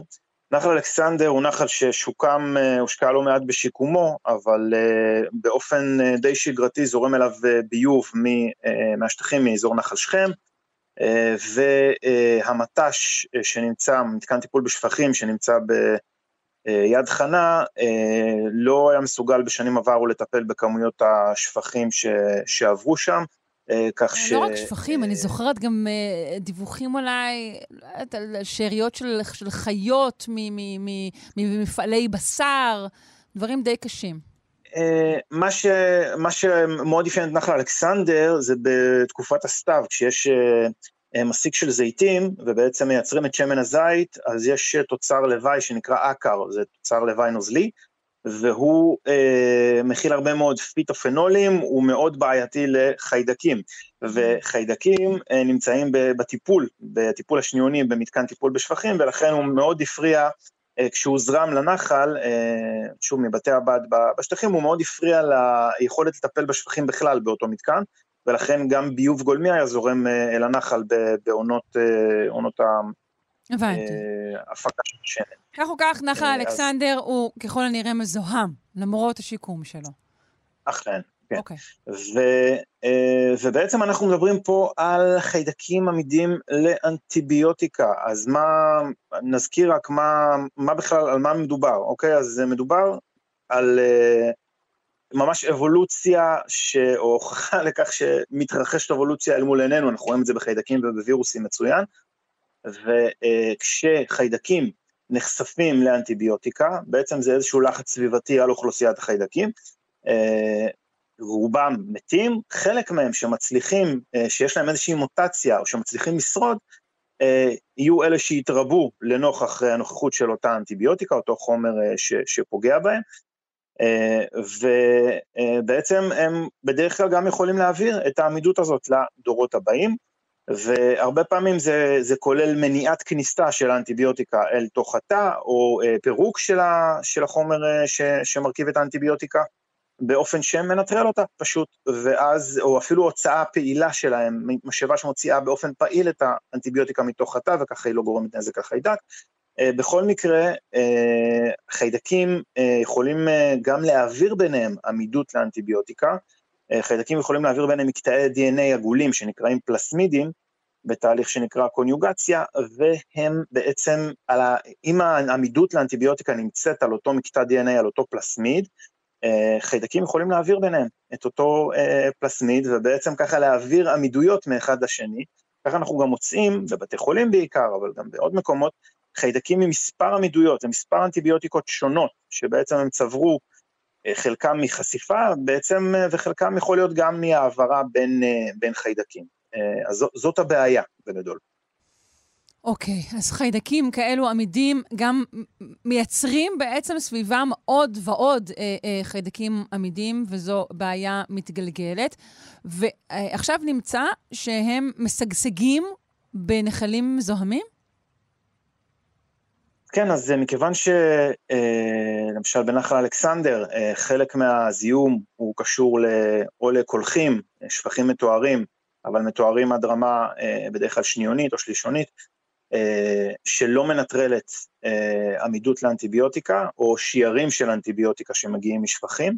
אה, דרך אגב, אם אנחנו זורקים את האנטיביוטיקה שלנו לפח או לשירותים, או אה, אפילו כשאנחנו לוקחים אנטיביוטיקה ועושים את הצרכים שלנו, כן, אז שאריות של אנטיביוטיקה יוצאות מהגוף שלנו ומגיעות אל מתקן הטיפול בשפכים, וכדי לפרק את אותה אנטיביוטיקה צריך להשתמש או ב-UV או באוזון, טיפול רביוני מה שנקרא, וזה לא מתבצע היום, ולכן באמת ממתקני הטיפול בשפכים, כשאנחנו משתמשים בהרבה אנטיביוטיקה, אפילו אצלנו בבתים, זה יכול להגיע אל הנחלים. כלומר, מקור, ובנחלים... מקור החיידקים בנחלים הוא, הוא, הוא גופנו שלנו, שוב, שמגיע דרך מערכת השופכין וכו', אבל כך הוא מגיע לנחלים. או, או גופנו או, או השלכה של תרופות. כן. Okay. אוקיי. אלא העמידות לאנטיביוטיקה והנוכחות של אנטיביוטיקה. Mm-hmm. מקורה, ככל הנראה במקרה הזה בשפכים, אבל אנחנו יודעים שעוד מקור מאוד מאוד גדול מעבר לבתי חולים ו- וטיפול בבני אדם, זה אה, משק החי. במשק החי, בענפים מסוימים, משתמשים באנטיביוטיקה כמזרז גדילה. אה, בחלק כבר הפסיקו, אבל בעצם לא נותנים אנטיביוטיקה כשיש מחלה, אלא נותנים אנטיביוטיקה כאיזשהו חומר שמזרז גדילה של למשל של עופות, אה, ויש עם זה בעיה מאוד מאוד גדולה, כי אנחנו אה, מייצרים אה, איזושהי פסולת שמכילה כמויות מאוד גדולות של אנטיביוטיקה שזולגת לסביבה, ואם זה בעלי חיים גם שמטופלים בצורה הרבה יותר חופשית מאשר בני אדם באנטיביוטיקה, אצלנו כשאנחנו הולכים לרופא, הוא היום כבר יחשוב פעמיים האם זה וירוס, האם זה חיידק, יבצע בדיקה, ולא, בדרך כלל לא ייתן מיד אנטיביוטיקה, אצל בעלי חיים היד יותר קלה על ההדק, ולכן אה, משק החי הוא גורם מאוד מאוד משמעותי בהקשר הזה של, אה, של שימוש באנטיביוטיקה, כן. ושאחר כך זולגת אל הטבע. כשאני נחשפת לחיידק עמיד לאנטיביוטיקה, זה מסוכן לי יותר מאשר חיידק אחר, או שזה לא רלוונטי? אז זאת שאלה מאוד טובה מי את. זאת אומרת, אם יש לך מערכת חיסונית אה, מוחלשת, וגם אה, ככה את רגישה לחיידקים, ואז את הולכת לרופא עם, ה, למשל, חס וחלילה דלקת ריאות, או איזשהו זיהום אחר, והוא נותן לך אנטיביוטיקה, והחיידק הזה כבר עמיד לאותה אנטיביוטיקה, אנחנו לא יודעים לפני, אה, אנחנו רואים שהמחלה לא משתפרת, אז כבר הגוף שלך אחרי נגיד שבוע שהוא כבר מתמודד עם המחלה, כבר הרבה יותר מוחלש. Mm. ואז מנסים עוד סוג של אנטיביוטיקה, ואז uh, עלולים להגיע לאשפוז, ואז uh, אנטיביוטיקות רחבות יותר, שהרבה יותר יקרות גם. אז מדובר גם בעלויות של אשפוז, ימי אשפוז, uh, בעצם יש פה גם עלויות גדולות מאוד למערכת הבריאות, וגם uh, סכנה גדולה יותר ל, uh, לבני אדם בסופו של דבר, uh, כתוצאה מתחלואה במחלות שיכולנו לטפל בהן עד לא מזמן, באנטיביוטיקה פשוטה יחסית. אז אני רוצה לחזור לראשית השיחה, כי כן. בעצם אמרנו שהחיידקים הללו, שבסופו של דבר נמצאו על ידי בדיקה של הנחל, אבל הם נמצאו בחוף. זאת אומרת, אנחנו יכולים להסיק שהחיידקים הללו נמצאים גם בחופי ישראל? יכול להיות, uh, העניין הוא לא רק הימצאות של חיידקים, אלא הימצאות של ריכוז של חיידקים. זאת אומרת, זה שיש חיידק בודד, או, או אפילו עצה רעילה בודדת, אין לזה הרבה משמעות. Oh. ברגע שיש oh. כמות גדולה, ריכוז גדול, וגם הם שורדים לאורך זמן, כי יש מקור שמכניס אותם כל הזמן, אז uh, יש לנו זיהום של החוף. ואז בדרך כלל סוגרים חופים, זה קורה לא מעט, זה, זה קורה בזמן? האם הבדיקות הן תכופות דיין? אנחנו יכולים לסמוך עליהן? אה, משרד הבריאות בגדול בודק את החיידקים אה, ספציפיים בחופים באופן די אה, שגרתי, ושוב, בחורף, הרבה פעמים אחרי גשם שזולג ביוב לים, אז בעצם סוגרים, מודיעים על סגירה של חופים כאלה ואחרים, פחות אופייני בקיץ. בכל מקרה, מה שמעניין לגבי נחל אלכסנדר זה שגם שליש מהגנים שקשורים בעמידות לאנטיביוטיקה אצל החיידקים, נמצאו על הפלסמידים. זאת אומרת ששליש מהגנים האלה, החיידקים יכולים להעביר מאחד לשני, ולייצר לנו יותר uh, חיידקים עמידים ליותר אנטיביוטיקות. ולכן יש כמה פתרונות גם, כן, לא צריך להיבהל, יש כמה פתרונות וכמה דברים שצריך לעשות. כמובן על כל הנושא הזה אפשר לשמוע הרבה יותר בהרחבה בוועידה השנתית ה-51 למדע וסביבה של האגודה הישראלית לאקולוגיה, ב-12-13 ליולי אה. בתל אביב. ואם נגיד רק במילה וחצי, שני פתרונות, קודם כל צריך מערכת ניטור, צריך לנסות ולהבין איזה חיידקים יש, עם איזה עמידויות, באיזה נחלים, איפה הם נמצאים, כדי uh, לנטר את זה בצורה טובה, וגם אם יש זיהום משמעותי, אבל uh, זו מערכת ניטור שקיימת היום. לא? או שהיא לא אה, משוכללת דייה, לא רגישה דייה? מוגבלת, אוקיי. מוגבלת. פה מדובר ממש על ניטור של, אה, לקחת דוגמת מים, להפיק DNA ולמפות את כל אוכלוסיית החיידקים, כולל אה, למי מהם יש איזה עמידויות, וזה יותר מורכב ממה שעושים היום, גם עולה קצת יותר. ודברים מאוד פשוטים שאנחנו יכולים לעשות בלי קשר לים או לנחלים, זה האמת שעם קשר לנחלים, קודם כל זה לצמצם את הזרמת הביוב או, או קולחים מתוארים, ולטפל בקולחים בטיפול רביוני, אם כבר מוזרמים לנחלים, באמצעות אוזון, באמצעות UV, וזה כבר יפרק את שיר האנטיביוטיקה. וצמצום של מתן אנטיביוטיקה שזה לא הכרחי, כמובן לא להשליך אנטיביוטיקה לא לביוב ולא לסביבה, לא לשירותים ולא לפח, להחזיר לקופת חולים לפחים ייעודיים שיש בכל סניף, ובעצם לנסות ולהמשיך לפתח אנטיביוטיקות חדשות, אבל לצמצם מאוד את השימוש הלא הכרחי, בטח במשק החי, ובטח לא לרוץ ולקחת אנטיביוטיקה אם לא חייבים, ואם כבר לוקחים, להשלים את הטיפול עד הסוף, ולא להפסיק באמצע. איך זה קשור? זה בגדול הדברים איך זה, איך זה קשור, הדבר האחרון שציינת? השלמת הטיפול באנטיביוטיקה. כי אנחנו... השלמת הטיפול בעצם מאפשרת את חיסול אותם חיידקים בגוף, וגם אם בודדים מהם עמידים לאנטיביוטיקה, עדיין הגוף לאורך התהליך הזה יכול להתמודד איתם יותר טוב, כאשר בעצם אם אנחנו מפסיקים באמצע הסיכוי ש... שנשחרר לסביבה חיידקים עמידים mm. לאנטיביוטיקה הוא גדול יותר. הבנתי. טוב, נציין שכתבה על הנושא פורסמה על ידי זווית, סוכנות הידיעות למדע וסביבה, ונודה לך, דוקטור עדי לוי, ראש התוכנית לתואר שני בקיימות המרחב העירוני והכפרי, המכללה האקדמית אחווה, וחבר הוועד המנהל באגודה הישראלית לאקולוגיה ולמדעי הסביבה. התרצה להזכיר שוב את פרטי הכנס, רק לסיום השיחה? בהחלט כן, הוועידה השנתית ה-51 למדע וסביבה, שמתקיימת בתל אביב, אפשר כמובן עדיין להירשם באתר, אתר האגודה הישראלית לאקולוגיה, או אתר הוועידה השנתית.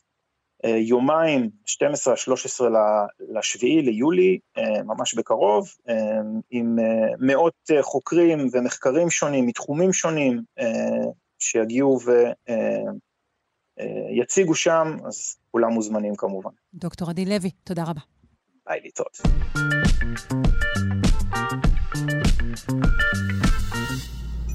מדענים הצליחו ליצור עוברים סינתטיים באמצעות תאי גזע בלי שימוש אה, בביצית או בזרע. האם אה, זה סופה של האנושות כפי שהכרנו אותה? מיד נדע. בעזרתו של הפרופסור בנימין דקל, מנהל מרכז סגול לרפואה רגנרטיבית באוניברסיטת תל אביב, ומנהל המחלקה לנפרולוגיה ומכון לתאי גזע בבית החולים לילדים בתל השומר. בוקר טוב. היי, שלום. היי, בוקר אור. אה, בואו נדבר על מה הם בדיוק העוברים האלו, מה יש להם, מה אין להם. אוקיי, שאלה טובה. אה, אני חושב שכדאי להתחיל בשם, שהוא לא לגמרי מדויק, עוברים סינתטיים, mm. שצריך לכנות אותם אה, מודל תאי של עוברים, או מודל של עובר. מודל תאי של עוברים. תראה, זו כותרת פחות טובה כן. בעיתון, אבל בסדר, כן. אוקיי. טוב. אז, כי אני חושב שזה יותר מדויק, ובאמת, אה, מברוק למדענים, זה הישג מאוד uh, משמעותי, אבל uh, אני חושב שמהשם גם נגזרת הפעילות. זהו, בוא תסביר מה בדיוק אומר השינוי הזה שהצעת בשם, איך הוא מבדיל את הדברים. תראה, הם בעצם באמת לוקחים תאי גזע עובריים, שיכולים להתמיין לכל כיוון, ואין להם זהות. אה, את התאים האלו אפשר ליצור, אה, אפשר לקחת אותם אה, מבנק של תאי גזע כאלו, שנקראים תאי גזע פלוריפוטנטיים בשפה שלנו, או אפשר ליצור אותם מהתאים שלך עצמך, זה גם אפשרות.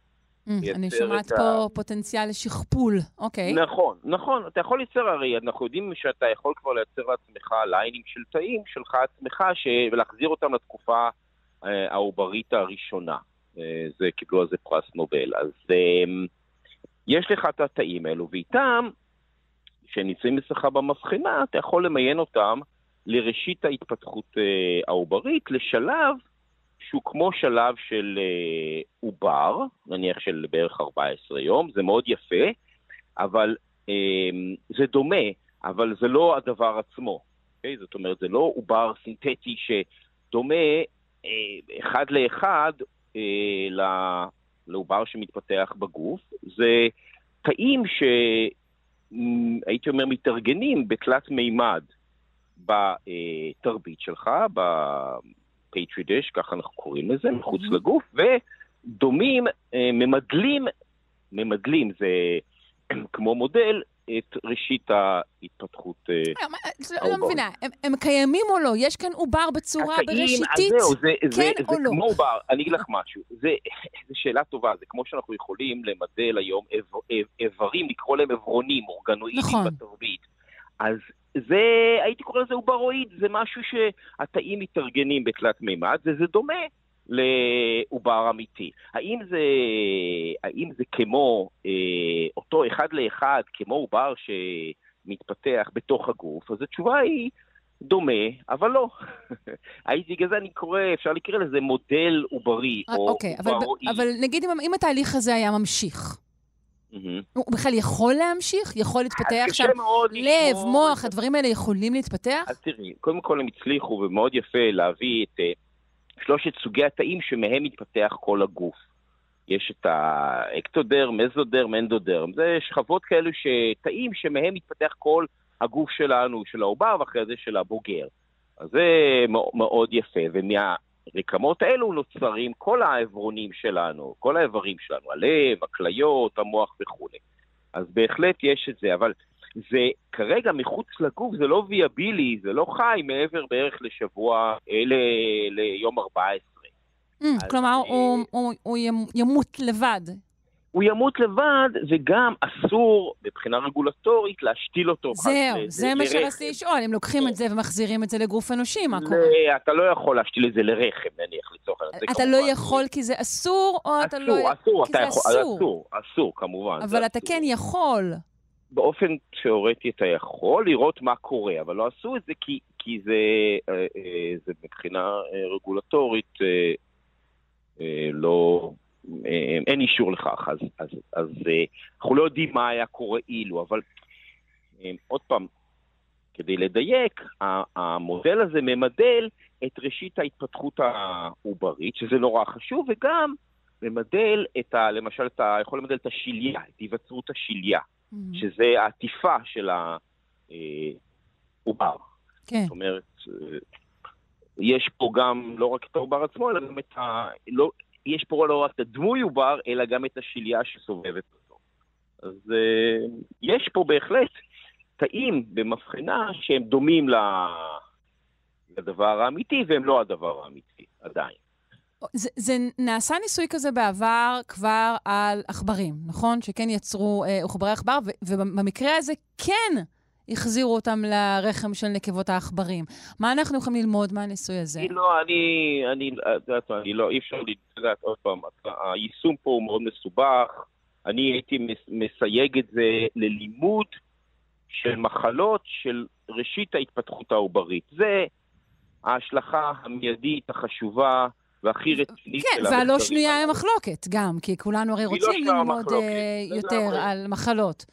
מחלות, אבל כי אין לנו דרך, תחשבי, אין לנו דרך ללמוד על מחלות של ההתחלה של החיים שלנו. אין לנו דרך טובה, יש לנו דרך אולי בעכברים, אבל בטח לא על מודלים של עוברים של, אה, מודל עוברי של אדם. כן.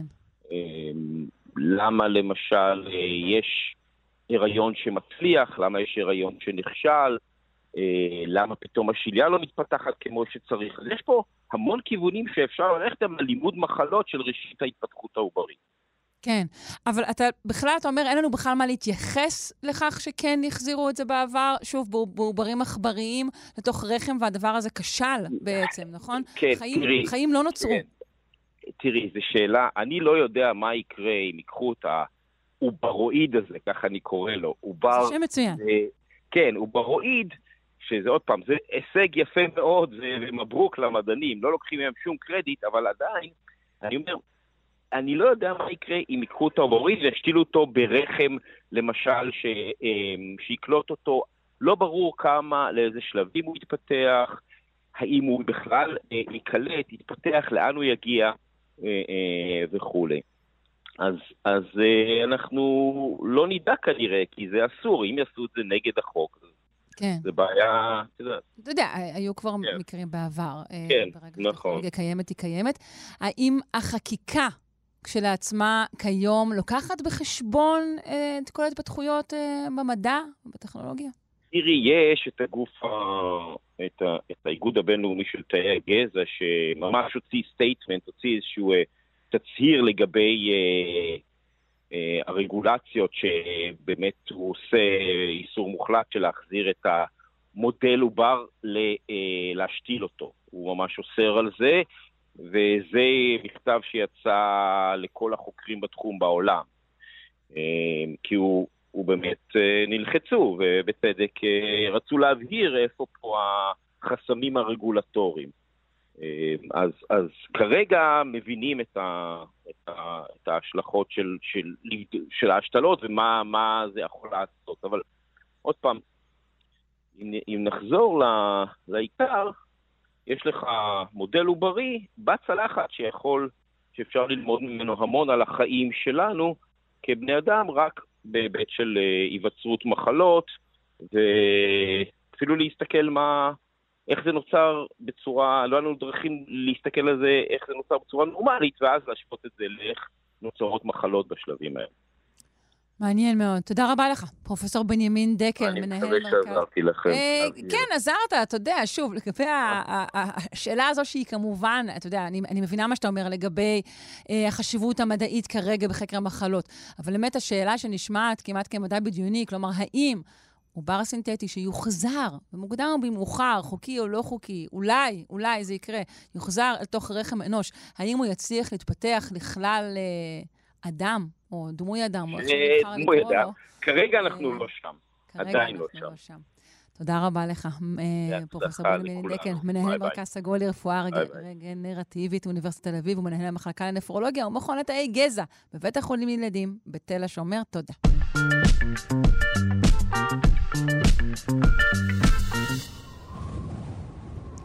חיזוי אה, סופות אבק אינו עניין פשוט, אבל אה, מחקר חדש הצליח אה, לרתום בינה מלאכותית לעניין הזה ולחזות סופות אבק באזורנו ברמת דיוק גבוהה. נפנה לחוקר עצמו, דוקטור רון סרפיאן, פוסט-דוקטורט למחלקת מדעי כדור הארץ במכון ויצמן. שלום. שלום וברכה. ראשית, בוא עזור לנו אה, להבין את הבעיה בחיזוי של סופות אבק. אוקיי, okay, בסדר. Uh, קודם כל נגיד שסופות אבק זה לא רק בעיה של לכלוך, זה ממש בעיה בריאותית. זה לא עניין של לנקות... סמרטוטים, אתה אומר, זה עניין של בריאות. נכון, זה לא רק לנקות את הבית, זה ממש חש...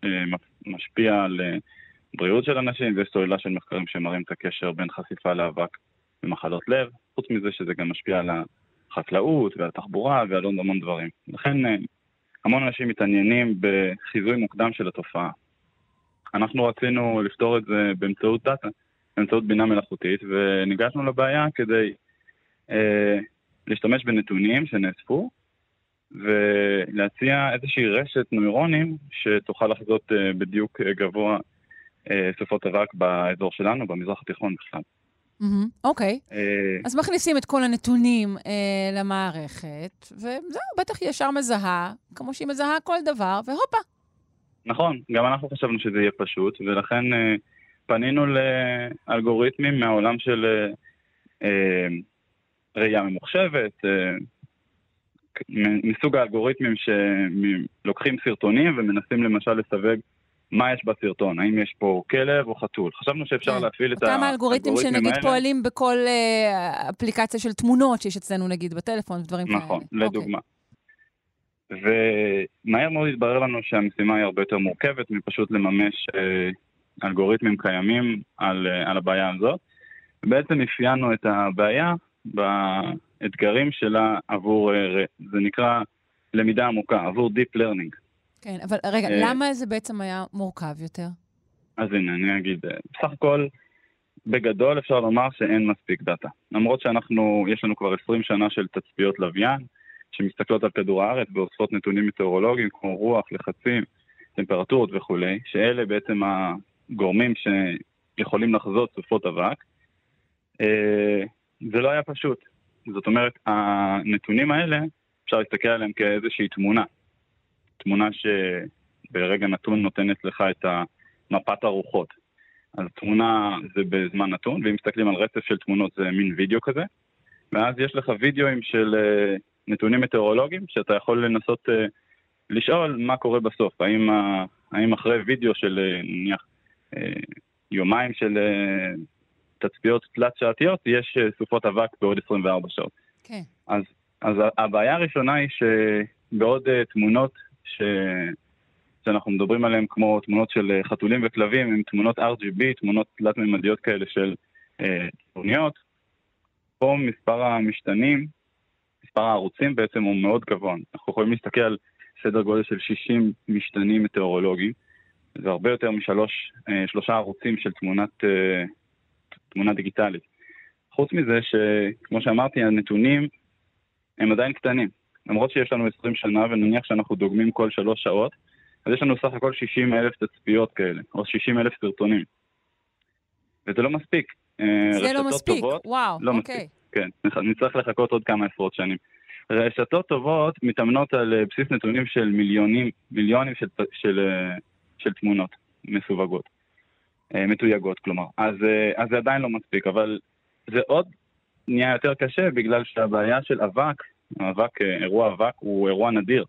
זאת אומרת שמתוך אותם 60 אלף תצפיות, מעט מאוד הם אירועי אבק. אז הדאטה הופך להיות עוד יותר קטן. זאת אומרת, יש לנו סדר גודל של, אם מסתכלים על אירוע אבק בודד, יש לנו איזה 300-400 אירועים כאלה ב, באזור שלנו ב-20 שנה האלה.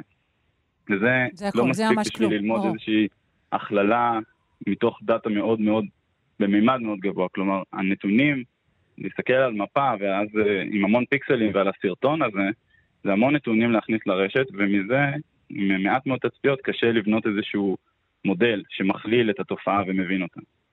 אנחנו מדברים okay. אוקיי. על למידת ייצוג, כן. בעצם בעיה קשה. כן, אז מה עושים? אוקיי, okay, אז uh, יש כל מיני פתרונות. למשל, ניתן עוד דוגמה מהעולם של uh, ראייה ממוחשבת. זאת אומרת, העובדה שדאטה קטן הוא לא, לא בעיה ייחודית לנו, uh, אבל יש פתרונות שהם לא אפשריים בעולם שבו אנחנו פועלים. למשל, אם אתה לוקח uh, תמונות של כלבים וחתולים, אז מה שאתה יכול לעשות בשביל אם אין לך הרבה תמונות כאלה, אתה יכול לקחת את התמונה וקצת לסובב אותה. אולי להחליף את הצבע שלה. ואז הקונטקסט של התמונה נשאר, נשאר דומה, זאת אומרת, זה עדיין חתול, הוא קצת על הצד, אבל הרשת ראתה תמונה חדשה לחלוטין, ואז היא לומדת, יכולה להכליל בצורה טובה, אפילו מתמונות שונות. אז בעצם אתה כאילו מקשה על המערכת, אתה מבלבל אותה, לא, לא נותן לה דווקא נתונים שהם מובהקים, כדי לאמן אותה גם בזיהוי אה, טוב נכון. יותר בעצם. נכון, אז, אז מה שאמרתי עכשיו הוא, הוא בעצם סוג של, זה נקרא אוגמנטציה. זה עדיין אה, קורה בכל מיני אה, עולמות, לא רק בעולם הגיאופיזיקלי שאני מתעסק איתו, רק שהבעיה היא שבאוגמנטציה מהסוג הזה, אם אני אחליף את כיווני הרוחות, אז אני אקבל אה, מציאות שונה לחלוטין, הרוח שנושבת ממזרח למערב, אני לא יכול להגיד שזה מדמה את אותו מצב עולם, או ש... כן, זה קשה, mm-hmm. הדאטה הזה הוא בעצם... אה, יש לו תכונה שהוא גיאולוקייטד. כל נקודה היא, היא אה, מייצגת את אותו אזור מרחבי באותו רגע נתון, ואז אתה לא יכול להחליף ממש את, ה, את הכיוונים או לשנות את הערכים. כן. מה שאנחנו עשינו זה חשבנו על פתרון יצירתי, ואפשר לחשוב עליו כמו משימת עזר. במקום uh, לבקש מהרשת רק לחזות מה תהיה רמת האבק בערים שונות בישראל, נתנו לה אה, לנסות ולחזות גם איך תיראה תמונת האבק העולמית או האזורית בכל המזרח התיכון, קצת יותר מזה. ובעצם בצורה הזאת אילצנו את הרשת למצוא איזשהו אה, פתרון שהוא מכליל. ניתן, אה, רק בשביל שנבין את זה, אז אבק הוא נמדד על הקרקע בתחנות, ככה אנחנו מודדים האם יש אה, אירוע אבק. אבל אפשר, אפשר גם לנסות להעריך כמה אבק יש מה, מלוויין. יש לוויינים שאומרים ברגע נתון בעמודה אטמוספרית כמה אבק יש. אה, אנחנו ביקשנו מהרשת להחזיר את התמונת לוויין הזאת של האבק בכל רגע שהיא מנסה לחזות. ככה גרמנו לרשת להבין בעצם ייצוג שהוא תופס את ההתפלגות של האבק במרחב בכל רגע. בעצם הרשת אמורה לא רק לחזות מה יהיה בישראל בעוד 24 או 48 שעות, אלא גם בכל רגע נתון איך נראית תמונת האבק העולמית. זה מה ש... אנחנו חושבים שתורם לרשת עוד כמה אה, נקודות אחוז בעצם, ומאפשר לרשת ללמוד איזשהו מודל שהוא יותר מכליל. אתן דוגמה, למשל, אה, אירוע אבק תלוי בהמון משתנים, תלוי בהתרוממות של האבק מהקרקע, אה, הסעה שלו ואז הירידה, כל הדברים האלה הם אה, קשה מאוד למדל אותם. אז יכול להיות שאירוע אבק באמת מתחיל כמו, כמו שאירוע אבק בדרך כלל נראה באזורנו, האבק מתרומם באזור של הסהרה, אז הוא נישא ברמות השונות של האטמוספירה, ואז הוא נופל, אבל נופל במצרים. אז אם הרשת שלי מקבלת רק נתונים מישראל, אז היא לא יודעת שקרה אירוע אבק, ולכן לא הצליחה להבין מה התהליך שגרם לה. אה, לא הצליחה להבין בעצם אה, איך, למה, למה שתי דוגמאות של אירוע שמתחיל אותו דבר לא נגמרות באירוע בישראל. אבל אם אני מבקש ממנה גם להגיד מה קורה במצרים באותו רגע, אז אפשר לומר שהרשת מבינה שקרה פה אירוע אבק, היא, היא לומדת את הדפוס של האירוע הזה, אבל היא מבינה שהוא לא יתבטא בישראל מפני שאוסף של דברים קרו, ויש גם תהליך כזה שאנחנו לא עד הסוף מבינים אותו. מה הייתה כן, מידת ההצלחה אה, בחיזוי במערכת אה, שהגעתם אליה? אז בתקופה שבה אירועי אבק קורים בישראל, שזה אה, בעיקר חוץ מחודשי החורף, זה קורה כמעט אה, תדיר בקיץ, סתיו ואביב, אה, הצלחנו לחזות בערך 80% מאירועי האבק, שמגדירים אבק באיזשהו רמה, ערך סף מסוים של אה, חלקיק, אה, חלקיקי אה, PM10. זו הגדרה מקובלת לאבק. זיהינו 80, בערך 80%. זה טוב מאוד. כן, זאת אומרת, השווינו את עצמנו לאלגוריתמים אחרים או למודלים פיזיקליים אחרים, וסך הכל ביטויים הם יחסית טובים. והרשת הזו, גם על אף שהיא אומנה על המידע המקומי, תוכל גם לשמש לחיזוי של שפות כאלה בעולם כולו, נכון? בהחלט. אמ, העניין של לאמן רשת זה לא רק לפתור בעיה מסוימת, אלא ללמוד את הייצוג. ברגע שלומדים ייצוג, ייצוג זה אומר שאני מבין מהם התכונות שמאפיינות את האירוע, אה, רגע נתון, נגיד, המטאורולוגי. אז ברגע שלומדים את הייצוג אפשר לעשות איתו המון דברים, כי אני בעצם מבין מה, מה המאפיינים של המטאורולוגיה באותו רגע, או בסדרה של אה, תמונות מטאורולוגיות. אפשר למדוד עם זה, לנסות לחזות עם זה דברים אחרים, כמו האבק בחוץ, מחוץ לישראל, לפחות באזור קרוב.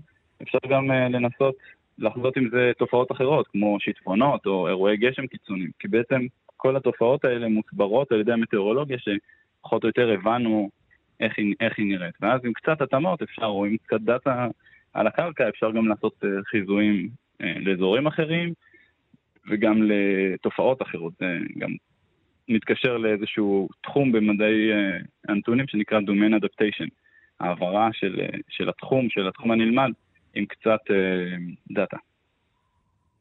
מעניין מאוד, uh, וגם חשוב. Uh, אני מודה לך, דוקטור רון שרפיאן, פוסט-דוקטורט במחלקת מדעי כדור הארץ, המכון ויצמן. Uh, זכית בדייסון משומש. לא, מה פתאום. רק רציתי לציין שהמחקר הזה נערך במעבדה של פרופסור ינון רודיך, גם בשיתוף פעולה עם דוקטור שירה רבי רובין ודורי ניסנבאום, שלכולם יש חלק במאמר הזה. מודים אה, לכולכם. תודה רבה. תודה רבה לכם, להתראות.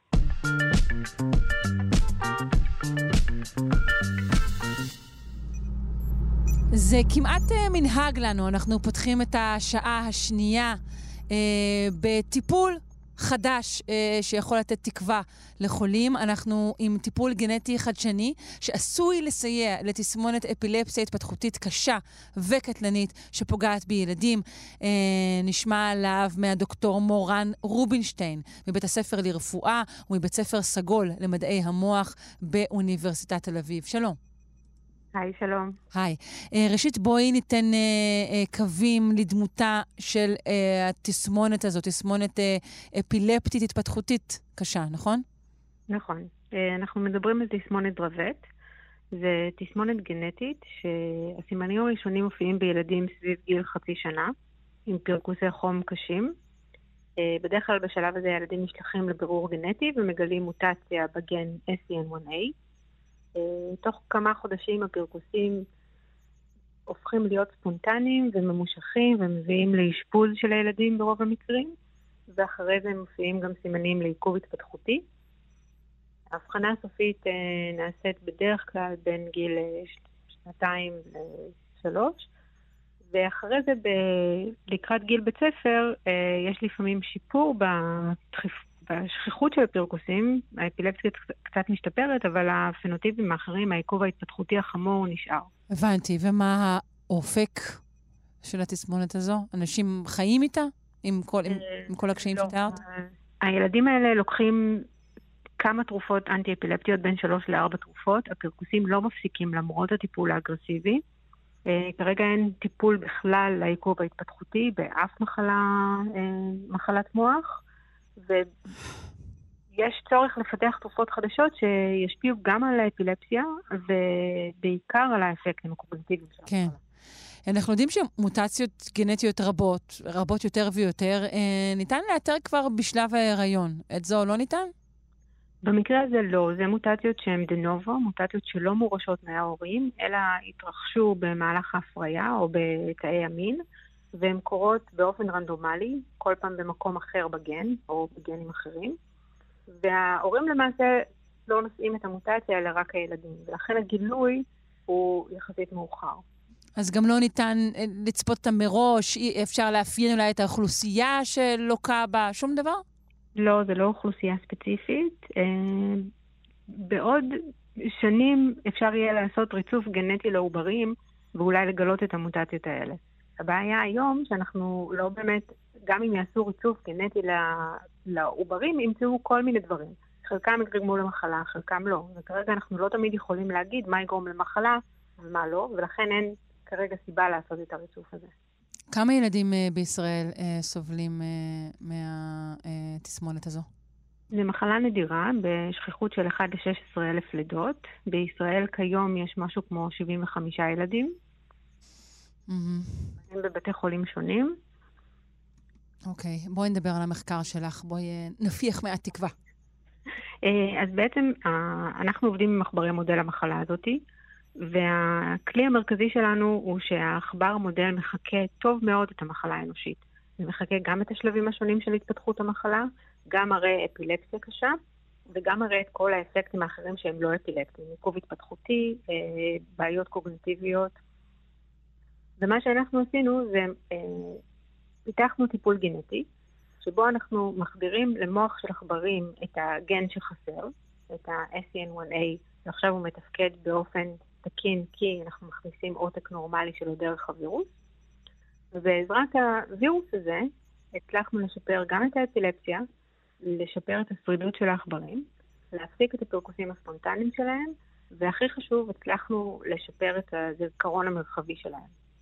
כלומר, אנחנו מצליחים לתקן גם את האפילפסיה וגם את האפקטים שהם לא אפילפסיה. זאת אומרת, זה, זה גם מונע את ההחמרה וגם מתקן כבר נזקים שנעשו. זה מה שהכי חשוב, מה שהיה לנו מאוד חשוב, זה לא לתת את הטיפול לפני שהמחלה מופיעה, אלא לחכות שהעכברים יתחילו לפרכס, ורק mm. אז לטפל בהם. Mm. וגם okay. אוקיי. במצב הזה, אחרי שהעכברים כבר מפרכסים, אנחנו עדיין מצליחים לתקן את כל הדברים. אה, למה בעצם צריך להזריק אה, ישר למוח? הגן שאנחנו מדברים עליו, ה-SCN1A, הוא גן מאוד גדול. ובגלל שהוא גן גדול, אז צריך גם וירוס גדול שיוכל לארוז אותו. הווירוסים שמשתמשים בהם הרבה לטיפולים גנטיים הם וירוסים שהם קטנים יותר, הם צריכים לעבור את ה-blood brain אבל בגלל שהם קטנים הם יכולים לארוז רק DNA שהוא קטן יותר, וה-DNA הזה שאנחנו צריכים לא התאים. לכן השתמשנו בווירוס אה, מאוד ספציפי, כן היה אדנווירוס, זה וירוס, אדנווירוס אה, במקור הוא אה, אה, מכלבים, והוא מסוגל לארוז מקטעים גדולים של DNA ולהעביר אותם למוח, אבל הוא לא מסוגל לעבור את ה-blood. ולכן חייבים להזריק את זה ישירות למוח.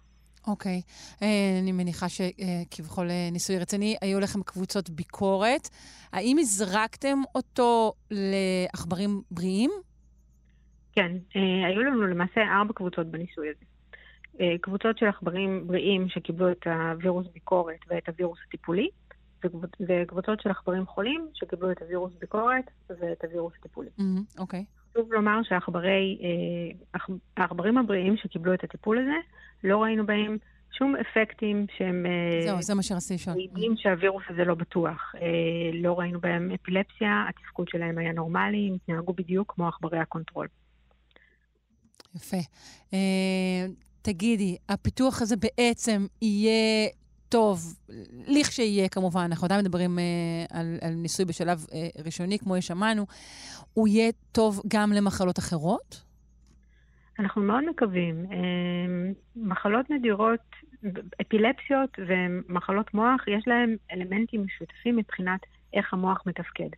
יש איזשהו חוסר איזון בתפקוד הנוירונלי, ואנחנו רואים שהווירוס הזה מצליח לתקן את החוסר איזון הזה במחלת דרווט. אבל בגלל שהמנגנון עצמו משותף לעוד הרבה מחלות, אז אנחנו מקווים שאם אנחנו מבריצים את הווירוס הזה, נוכל לתקן את החוסר איזון הזה במחלות נוספות, והתחלנו באמת לבדוק את זה עכשיו במודלים נוספים למחלות נדירות, ואני מקווה שבעוד כמה שנים נדע את התשובה. אינשאללה. תודה רבה לך, דוקטור מורן רובינשטיין, מבית הספר לרפואה ומבית ספר סגול למדעי המוח באוניברסיטת תל אביב. כל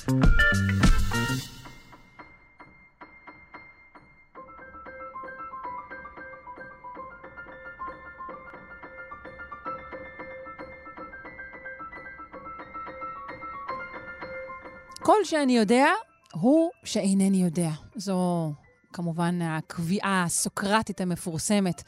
אנחנו רוצים אבל uh, לרדת לעומקה של האמירה הזו. זאת בעזרתו של נתי קופפר מהאוניברסיטה העברית. שלום. שלום, שרון.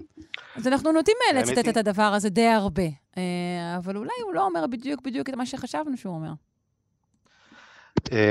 יכול להיות, האמת היא שרציתי להתחיל מזה שבאמת קצת לא, לא נעים לי, ממך, מהמאזינים, מהעולם, כי עשינו כזה בילדאפ לסוקרטס.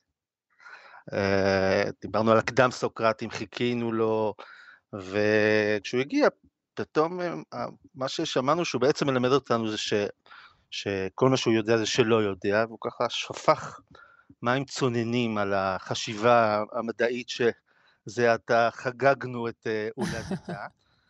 והשאלה באמת אה, איך אה, להבין את זה, זו הזדמנות באמת להבין בעצם שני דברים. אחד זה, קודם כל, מה באמת העומק של הקביעה הזאת, מה בעצם הוא רוצה לומר, ושתיים, דבר שני, האם באמת נוכל לחשוב על השלילה באיזשהו מובן חיובי, כמשהו שכן אה, יש בו משהו יותר מאשר רק אה, להגיד אה, אין, אין מדע, אין אפשרות לעשות מדע. לא, ההפך, זה... אולי, אולי אפילו נגיע יחדיו למסקנה שההצהרה הזו על אי ידיעה, או בוא נאמר על אי ידיעה סופית וברורה, חייבת להיות בבסיס המדע. אני בעד. אני חושב שזה כיוון, כיוון, כיוון, כיוון אה, אה, נכון. לא כולם אה, אה, לוקחים את הכיוון הזה, אבל באמת לפני שנגיע לשאלה הזאת, אה, קודם כל באמת נדבר קצת על הקביעה עצמה ומה זה אותו דבר, ש... מהי הידיעה שסוקרטס מצביע עליה כחסרה. והנקודה החשובה מאוד אה, אה, שיש להצביע עליה כאן, זה שלא מדובר בידע במובן האינפורמטיבי. סוקרטס לא אומר אני לא יודע, זה אומר שאני לא יודע אם עכשיו יורד גשם בחוץ או לא, אם אני לא יודע מה השעה, או אני לא יודע אה, אה, כמה זה אחד ועוד אחד. אז אה, מה הוא לא יודע? הוא, הוא בעצם לא מבין. הוא אומר, אני לא מבין. וסוקרטס הולך עם זה רחוק מאוד, עד כדי שהוא אומר, אני לא מבין, למשל, זה אחד הדברים שנמצאים בדיאלוג פיידון של אפלטון, שבו סוקרטס אומר, אני לא מבין למה אחד ועוד אחד הם שניים. אני יודע את זה, כולנו יודעים את זה, כולנו מחשבים את זה, כולנו יודעים לעשות חשבון, אבל להבין למה אחד ועוד אחד הם שניים, זה כבר כבר משהו ש, שמצריך ממני איזושהי יכולת המשגה שאיננה ברשותי. אבל השאלה פה לגבי אחד ועוד אחד הם שניים, הכוונה לעניין החשבוני או לעניין המהותי? של מדוע כשמצרפים שני דברים הם הופכים בעצם למושג חדש? זה בדיוק הנקודה, זה העניין המהותי הזה, שהוא לא מהותי רק בשביל פילוסופים שככה תוהים על, על המובן מאליו, אלא זו שאלה חשובה בשביל המתמטיקה עצמה. כלומר, המתמטיקה יכולה להעמיד את עצמה על יסודות, וכבר ראינו את החשיבות של המדעית בהעמדה על יסודות, רק כאשר באמת מושגי הבסיס היסודיים ביותר אה, אה, מקבלים הבהרה. לכן השאלה למשל, מה זה אחד עוד אחד מבחינת המובן, מה זה הוועוד, מה זה החיבור, מה זה בכלל היחידה, מה זה האחד, mm. היא שאלה מאוד קריטית שתעסיק את המתמטיקה במהלך, במשך דורות. כאילו, מה הופך לאגס שנמצא ליד תפוח, לא לסתם אגס ותפוח, אלא נגיד, לצורך העניין, לשני פירות? לשני פירות, הנה, אז עשית פה איזה סוג של הומוגניזציה. בדיוק. במקום, במקום לחבר את הגס והתפוח, התייחסת אליהם כאל יחידה. האם בזה בעצם, האם חיברת שתי יחידות שונות, או שבעצם ספרת פעמיים את אותו הדבר עצמו? בדיוק. את, שאלה חשובה כן, מאוד. נכון. אז, אז סוקרטס בעצם אומר לנו, אני, לגבי המדע הנתון הקדם סוקרטי, ובאופן כללי, אני פשוט מוצא את עצמי שאני לא מבין. והנקודה החשובה כאן, שבזה במובן מסוים הוא הופך להיות אבי הפילוסופיה. אה, וזו הזדמנות בשבילנו קצת להגדיר באיזשהו אופן מה זה פילוסופיה, ולמה סוקרטס נחשב לאבי הפילוסופיה, כי הפילוסופיה, וזה פחות או יותר מה שמבחין אותה ממחקר אמפירי של המציאות,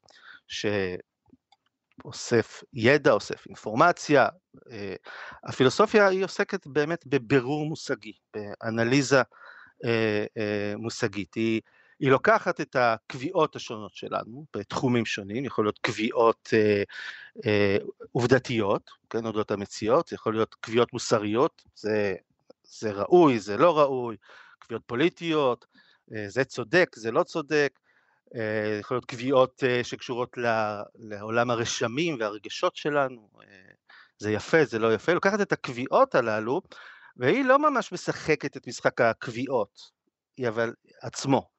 היא לא המדע שימצא את האינפורמציה, היא לא מי שיגיד זה יפה או לא יפה, זה מוסרי או לא מוסרי. היא לוקחת את הקביעות והיא בעצם מחפשת את מושגי המפתח שעומדים בבסיס הקביעות הללו, אוקיי? ומנסה לברר אותם.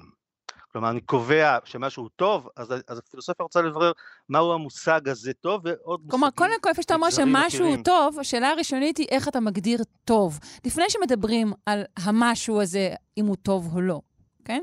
נכון. אוקיי. ופה הלכנו כבר למושג הראשוני ביותר, למושג המפתח, וטעינו עליו. כמובן ש, שבדרך אנחנו אנחנו נגיד בהקשר של הדיון המוסרי, אנחנו ניתקל בהמון המון מושגים ואנחנו אה, נרצה לבאר אותם, אנחנו, בעיקר בשיח המוסרי ששולט ממש בחיינו, נרצה או לא נרצה, אנחנו מוקצפים במושגים, אה, אה, אנחנו מדברים על נאמנות, מדברים על, על הצלחה, עושר, המון המון מושגים ברמה הפוליטית כמובן, שוויון, אה, שלום, אנחנו מוצפים במושגים, והפילוסוף וה, בעצם, הוא, מטרתו היא בעצם לפרק את המושגים האלה, לתהות על, על מובנם, אה, ובאמת אה, להעמיד אותם על יסודם, זה תמיד ילך בסופו של דבר. וכאן אנחנו פוגשים את, את היסוד של החשיבה המדעית גם, בפירוק הזה שכבר שוחחנו עליו? אז זאת תהיה שאלה, זאת תהיה אה, אה, אה, שאלה גדולה, אז, אז יש בזה משהו, כי גם בחשיבה המדעית עצמה, אנחנו רואים את זה בתולדות המדע, יש בה את האלמנט הפילוסופי הזה. כלומר, עד שאני לא אברר את מושגי היסוד, אני גם אתקשה לקבוע קביעות, ולכן כן אנחנו רואים בתולדות המדע את החתירה המתמדת הזאת, שוב ושוב להגדיר מחדש את מושגי היסוד. של, של, של המדע. ראינו באמת שאחת המשימות הגדולות שלקח להם המון המון זמן, כן, שהמדע הקדם סוקרטי לא הגיע אליו, זה לפרק מושגים מאוד בסיסיים, כמו מושג התנועה בשביל הפיזיקה, מושג המין הטבעי בשביל הביולוגיה, אה, אפילו דיברנו בהקשר של תורת המדינה על, על מושג החברה, מושג המדינה עצמו, הפוליטי, כלומר, בחשיבה המדעית עצמה תמיד יש את ההיבט הפילוסופי הזה ש, שעושה ברור מושגי, והפילוסופיה מתמקדת בזה. אז, אז, אז אם אנחנו חוזרים לראשית שיחתנו, אז המשפט הזה, כל שאני יודע הוא שאינני יודע, שמשמש אותנו לרוב בשיחה לציון איזושהי אה, אה, צניעות או הצטנעות, זה לא בדיוק משמעותו. משמעותו הוא כל מה שאני יודע זה שצריך בעצם לפרק את הדברים אה, לגורמים אה, ראשוניים יותר? כן, ושאנחנו לא מצליחים בזה. לסוקרטס יש גם תשובה שלילית בסופו של דבר, וצריך להבין למה, דיברנו בפעם הקודמת על זה שהוא מרחיק את ה... את ה האמת הזו, את האמת המושגית, העניין את שפת האובייקט שאנחנו מחפשים, הוא מרחיק אותה אל האל, הוא אומר, לנו אין אותה, לאל יש אותה, ואני חכם מכל אדם רק בזה, ש, רק בזה שאני יודע את זה, לא, לא מעבר לכך, אז כן, אז זה גם מאפיין, מה שחשוב כאן זה גם מאפיין את, ה, את האופי של השיחה הסוקרטית, ובכלל השיחה הפילוסופית, שהיא אף פעם לא בעצם טוענת טענות בעצם, היא לא, היא לא אה, מטילה ספק בטענה, זה לא אה, טענה מול טענה, זה פשוט תהליך של, של, של פירוק מושגי, של, של אה, אה, גישוש אחרי מושגי, אלמנט מגשש, אלמנט אה, משוטט כזה, שמנסה להבין, אוקיי, על מה אנחנו מדברים, מה הם המושגי המפתח, ולפרק אותם, אז, אז החיפוש הזה הוא גם אה, אה, מאפיין של עצם השיח הפילוסופי הסוקרטי. וגם המדעי, החקר הנצחי, שאנחנו, אתה יודע, הוא בעצם ממשיך תמיד. אה, כן, אם מסתכלים עליו באמת ברמה ההיסטורית, ובאמת אנחנו יכולים לראות רגעי מפתח כרגעים שבהם באמת אה, איזשהו משהו מושגי יסודי עבר איזשהו רענון ונחשב אה, מחדש, איזה סוקרטס פתאום, סוקרטיות הופיעה לה, הופיע לה פתאום, אבל שוב נזכור שהמסקנה של סוקרטס לגבי, לגבי העניין היא שלילית, ועכשיו מי שיבואו אחריו, אפלטון ואריסטו, ינסו במסגרת הבירור המושגי הזה והחשיבות של לנתח אה, מושגית את מושגי היסוד, הם כן ינסו להציע משהו חיובי יותר, שהוא יותר מאשר שאלה גרדה, ש, שכן נותן לנו איזושהי אחיזה אה, אה, בשפת האובייקט, אה, אבל אה, האם הם הצליחו או לא הצליחו, זה כבר שאלה אה, גדולה, אני נדבר עליה כשנדבר על אפלטון ואריסטו, אבל uh, כרגע הרווח ש, שקיבלנו מ"אני יודע שהוא לא יודע" זה לידתה של פילוסופיה. כל שאני יודעת שזמננו תם, נתי קופפר. Uh, אני מודה לך מאוד. תודה לך. להתראות, ביי ביי. להתראות, ביי ביי.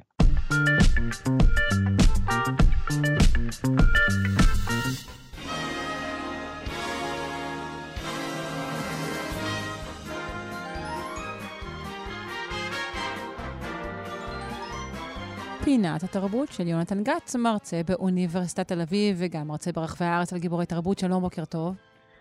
בוקר טוב, שרון. יש לנו היום גיבור תרבות מאוד מיוחד. מי? מה? מי? מה? נדבר היום על הבמאי ג'ורג' עובדיה. ג'ורג' עובדיה. חייבת להגיד שיש חסרים אה, גדולים מאוד אה, בקולנוע הישראלי בכלל, ובקולנוע שלו בפרט. אולי ראיתי סרט אחד. לא, זה... אני כאן כדי להקשיב לך. כן, אז אה, בשביל זה אנחנו פה. ג'ורג' עובדיה, אה, במאי שעלה לישראל נולד בבגדד, ואחר כך אה, עבד באיראן, היה במאי ושחקן, עשה שם המון סרטים, וכשהגיע לישראל הוא הפך להיות הבמאי שהצליח להביא המון צופים לקולנוע, בין 700 אלף למיליון, תלוי איך סופרים, מיליון צופים לסרטים שלו, אה, וזכה לביקורות המשמיצות ביותר שאי פעם במאי קולנוע ספג. אפרים קישון תמיד אהב להגיד שהוא הבמאי שמעליבים אותו, אבל אני לא חושב שהוא הגיע לרמות לרמות בסדר, הוא לא הראשון ולא האחרון ביוצרי הפופ הטהור, ואתה יודע, באמת יצירות פופולריות, שיזכה לקיצונות של בוז. ככה זה, אין זהות אה, בין אה, ביקורות לבין אה, טעם הקהל. אף פעם לא הייתה. וזה בסדר. זה בסדר גמור. כן? כן, לא כן, אבל, זה בסדר. אבל, אבל לא ככה. וואלה, אז בוא ספר לי. בואי אני אקריא לך ביקורת. השבוע ביקרתי בקולנוע תל אביב.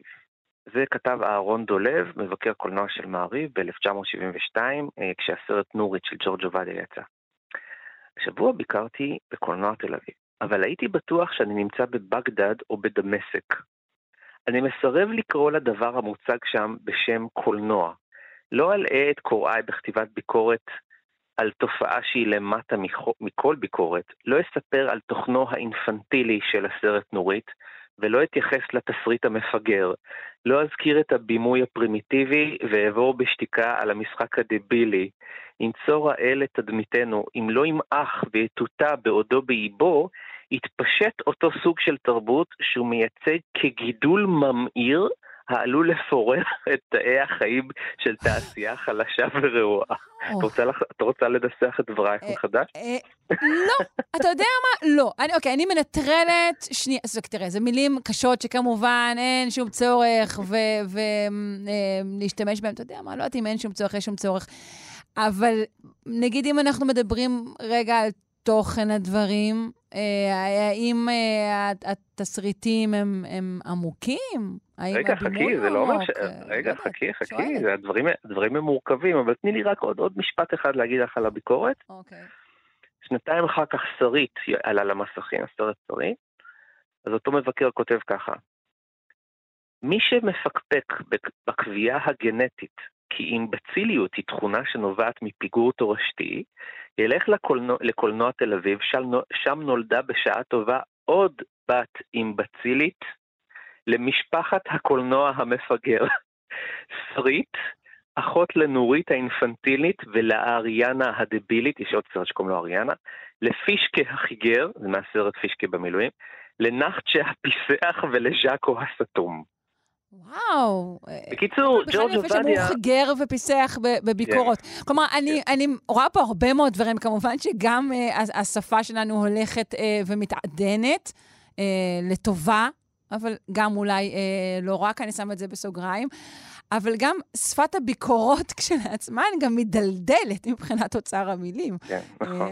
היום לעומת פעם. אז, אה, אני בטוחה שזה היה נורא עבורו אה, אה, לקרוא כן. את זה, אבל יכול להיות, אני רוצה לקוות, שהוא אמר לעצמו, יאללה, קהל אוהב את זה. אז זהו, זה בדיוק העניין, כי uh, ג'ורג' עובדיה הביא לישראל את הקולנוע uh, שאנחנו אהבנו לראות כקולנוע, כסרט הערבי של יום שישי בחמש אחר הצהריים. כל ישראל אהבה לראות את הסרט הזה, נכון. אבל הוא הלביש את זה בבגדים ישראלים. והסרטים שלו היו מלודרמות, שמה שאנחנו אוהבים לכנות אותם ממש סופ אופרה, עם טרגדיות קשות מאוד, הכל עם המון עודפות רגשית, והשחקנים שעבדו איתו, כמו יונה אליאן וססי קשת, אגב, שם אצלו בסרטים הם, הם נפגשו והפכו לזוג, אה, הם מספרים ש... הוא היה בוכה איתם בחזרות, הוא היה מבקש מהם, תבכו יותר, ותחתיך... בדרך כלל במאים מבקשים, תחזיק את עצמך, תחזיק את עצמך. תהיה, אל תגזים, אל תתאמץ. וג'ורג' עובדיה היה מבקש, כן, תבכי את הטקסט. והיה אומר אה, לאחד השחקנים, אתה תהיה, תעשה, תהיה יותר רשע, תהיה יותר רע. זה נשמע כמו דברים קצת אולי מתיאטרון של פעם, כאילו, ופחות מקולנוע אפילו. נכון, נכון. ופה בעצם היה מפגש בין התרבות האירופאית שהיא תרבות מאופקת, שמבקשת אה, יותר שכלתנות, יותר, אה, יותר אה, מה שנקרא, חלק מהמודרניזציה להיות קצת יותר שכלתני, פחות רגשני, מול התרבות הערבית. ואולי גם עצם, עצם התפיסה של תרבות בתור משהו שהמטרה שלו היא, היא, היא לעדן או, או לסמל. ולא להיות הדבר עצמו. זה לא נכון, בהכרח נכון. שכלתנות, זו תפיסה של, של המהות של אומנות, של אבל, תרבות. כן, אבל בתרבות ה... שג'ורג' עובדיה הביא, הכוונה היא שאם רגשות, אם אין רגשות, והרגשות הם לא חזקים ומוחצנים עד הסוף, הקהל לא יכול להתחבר. בעניין הזה הוא די צדק. למשל, אה, אה, הוא היה אומר, אם הקהל, כשהקהל בוכה, הקופה צוחקת. זה היה המשפט, הסיסמה שהלכה איתו. שהלכה איתו. עכשיו תשמעי, זה עונה על צרכים מסוימים. התרבות האירופאית אוהבת להסתכל ככה בלגלוג על, תרבות, על התרבות הערבית, התרבות המזרחית, שהרגשות שם הם לא נעצרים. כאילו, למשל, היצ'קוק מראה את השוק במרקש, עם שוק מלא צרחות, וכולם צועקים וזה, ורואים שם את, ה, את הבחור האמריקאי, ג'יימס סטיוארט, ככה רגוע, כן, או קרי גרנט, רגועים, והשוק זה מלא צרחות, וכולם צועקים, צועקים, צועקים, וכאילו הגבר המערבי הוא הרבה יותר אה, ככה אנליטי, יותר מחושב. אז המפגש הזה בין ה... הקולנוע הרגשי שהוא מביא, תחשבי למשל על, על אום כלתום למשל. אום כלתום, שגם כן עולה על הבמה ואומרת, יא חביבי. כן, אבל זה אחרי שהתזמורת מנגנת לפני איזה 20 לא, דקות, אז כאן יש איפוק מאוד מאוד גדול. לא, אני אומרת לא, לא, ההפך. רגע, רגע, רגע, כשאום כלתום אומרת, אני אוהבת אותך, אני אוהבת אותך, אני אוהבת אותך, וחוזרת על זה עשרות פעמים, כן. אז מה שהתרבות הזאת רוצה להגיד, היא, וואלה, זה אמיתי. אם היא חוזרת על זה כל כך הרבה פעמים, אולי זה אמיתי, בניגוד לתרבות המערבית שאומרת, רגע, אם דווקא אם אני לא אגיד, כאילו אם אני לא אגיד את זה, אולי אז אני אה, אחשב כאותנטי, כמו בסרטים של ברגמן. אם ליב אולמן לא תגיד את זה, אז אולי כן יבינו שהיא... זאת אומרת, אלה שתי אני בכלל לא יודעת אם שאלת וגם... האותנטיות תהיה השאלה המרכזית בקולנוע כן. המערבי. זאת אומרת, אני חושבת שזה העניין. זה בכלל אולי לא, לא סיפור של אותנטיות. אה, כן. זה סיפור אחר. ועוד דבר צריך לזכור, ועוד דבר אחד צריך לזכור. פה בישראל, אנחנו אה, במשך הרבה מאוד שנים, במיוחד אחרי הקמת מדינת ישראל, אנחנו אה, חונכנו בדרך עקיפה או ישירה לשנוא כל דבר שקשור לערבים. וברגע שמישהו מביא לנו תרבות שהיא תוצר ישיר של אומנות אה, שקשורה למדינות ערב, לסגנון שהוא סגנון ערבי, ברגע שאתה מביא את זה לתוך המיינסטרים הקולנועי, אה, החבר'ה מסביב נכנסים לפאניקה. יש פאניקה. פתאום אומרים, רגע, רגע, זה בכלל שייך לעולמות הסרט המצרי. כן. מה, מה, מה, אנחנו מוכנים לראות את הסרט המצרי כשזה במצרים. כן, אני מסכימה איתך, אבל אני רוצה להזכיר לך שהיום בישראל יש הרבה פאניקה מכל מה שעלול להיחשד כאשכנזיות או כאיפוק, ככה שההיסטוריה בסך הכל די מאזנת את עצמה. אבל תראי, זה, יש בזה משהו אירוני. דווקא אלה שאומרים עליהם שהם תמיד אומרים אשכנזים שמאלנים, נכון? שמאלנים אשכנזים, לא בטוח כמה זה נכון דרך אגב, אבל נגיד אשכנזים שמאלנים, דווקא הם כן רוצים דיאלוג עם מדינות ערב, וכן, יש בזה משהו קצת אה, מעניין. בכל מקרה, ג'ורג' עובדיה אה, גרם ל, אה, אה, לסחף מאוד גדול של הקהל אליו, ומישהו פעם אמר, אם מיליון אנשים הגיעו אליו לקולנוע, לא יכול להיות שהם כולם מזרחים. אז זאת אומרת, גם דודות אשכנזיות נהנו מהסרטים שלו, ויום אחד ניסים אלוני אה, תפס את יונה אליאן וצסי קשת ברחוב, ואחרי אה, שהוא ראה את הסרט אה, נורית, הוא אמר להם, ניסים אלוני הנחשב אחד האינטלקטואלים הגדולים של הברנז'ה הבוהמיאנית התל אביב, התל אביבית, הוא אמר להם, קראתי מה שכתבו על הסרט, את הביקורות הקוטלות, אל תקשיבו, אחלה סרט. וואלה. טוב, כן. אה, יופי, אז אולי אני באמת אשלים חוסרים. תודה רבה לך אה, על שהזכרת לנו את ג'ורג' עובדיה, במאי הקולנוע הישראלי. תודה, יונתן גת, מרצה באוניברסיטת תל אביב ומרצה ברחבי הארץ על גיבורי תרבות. ביי. Thank you.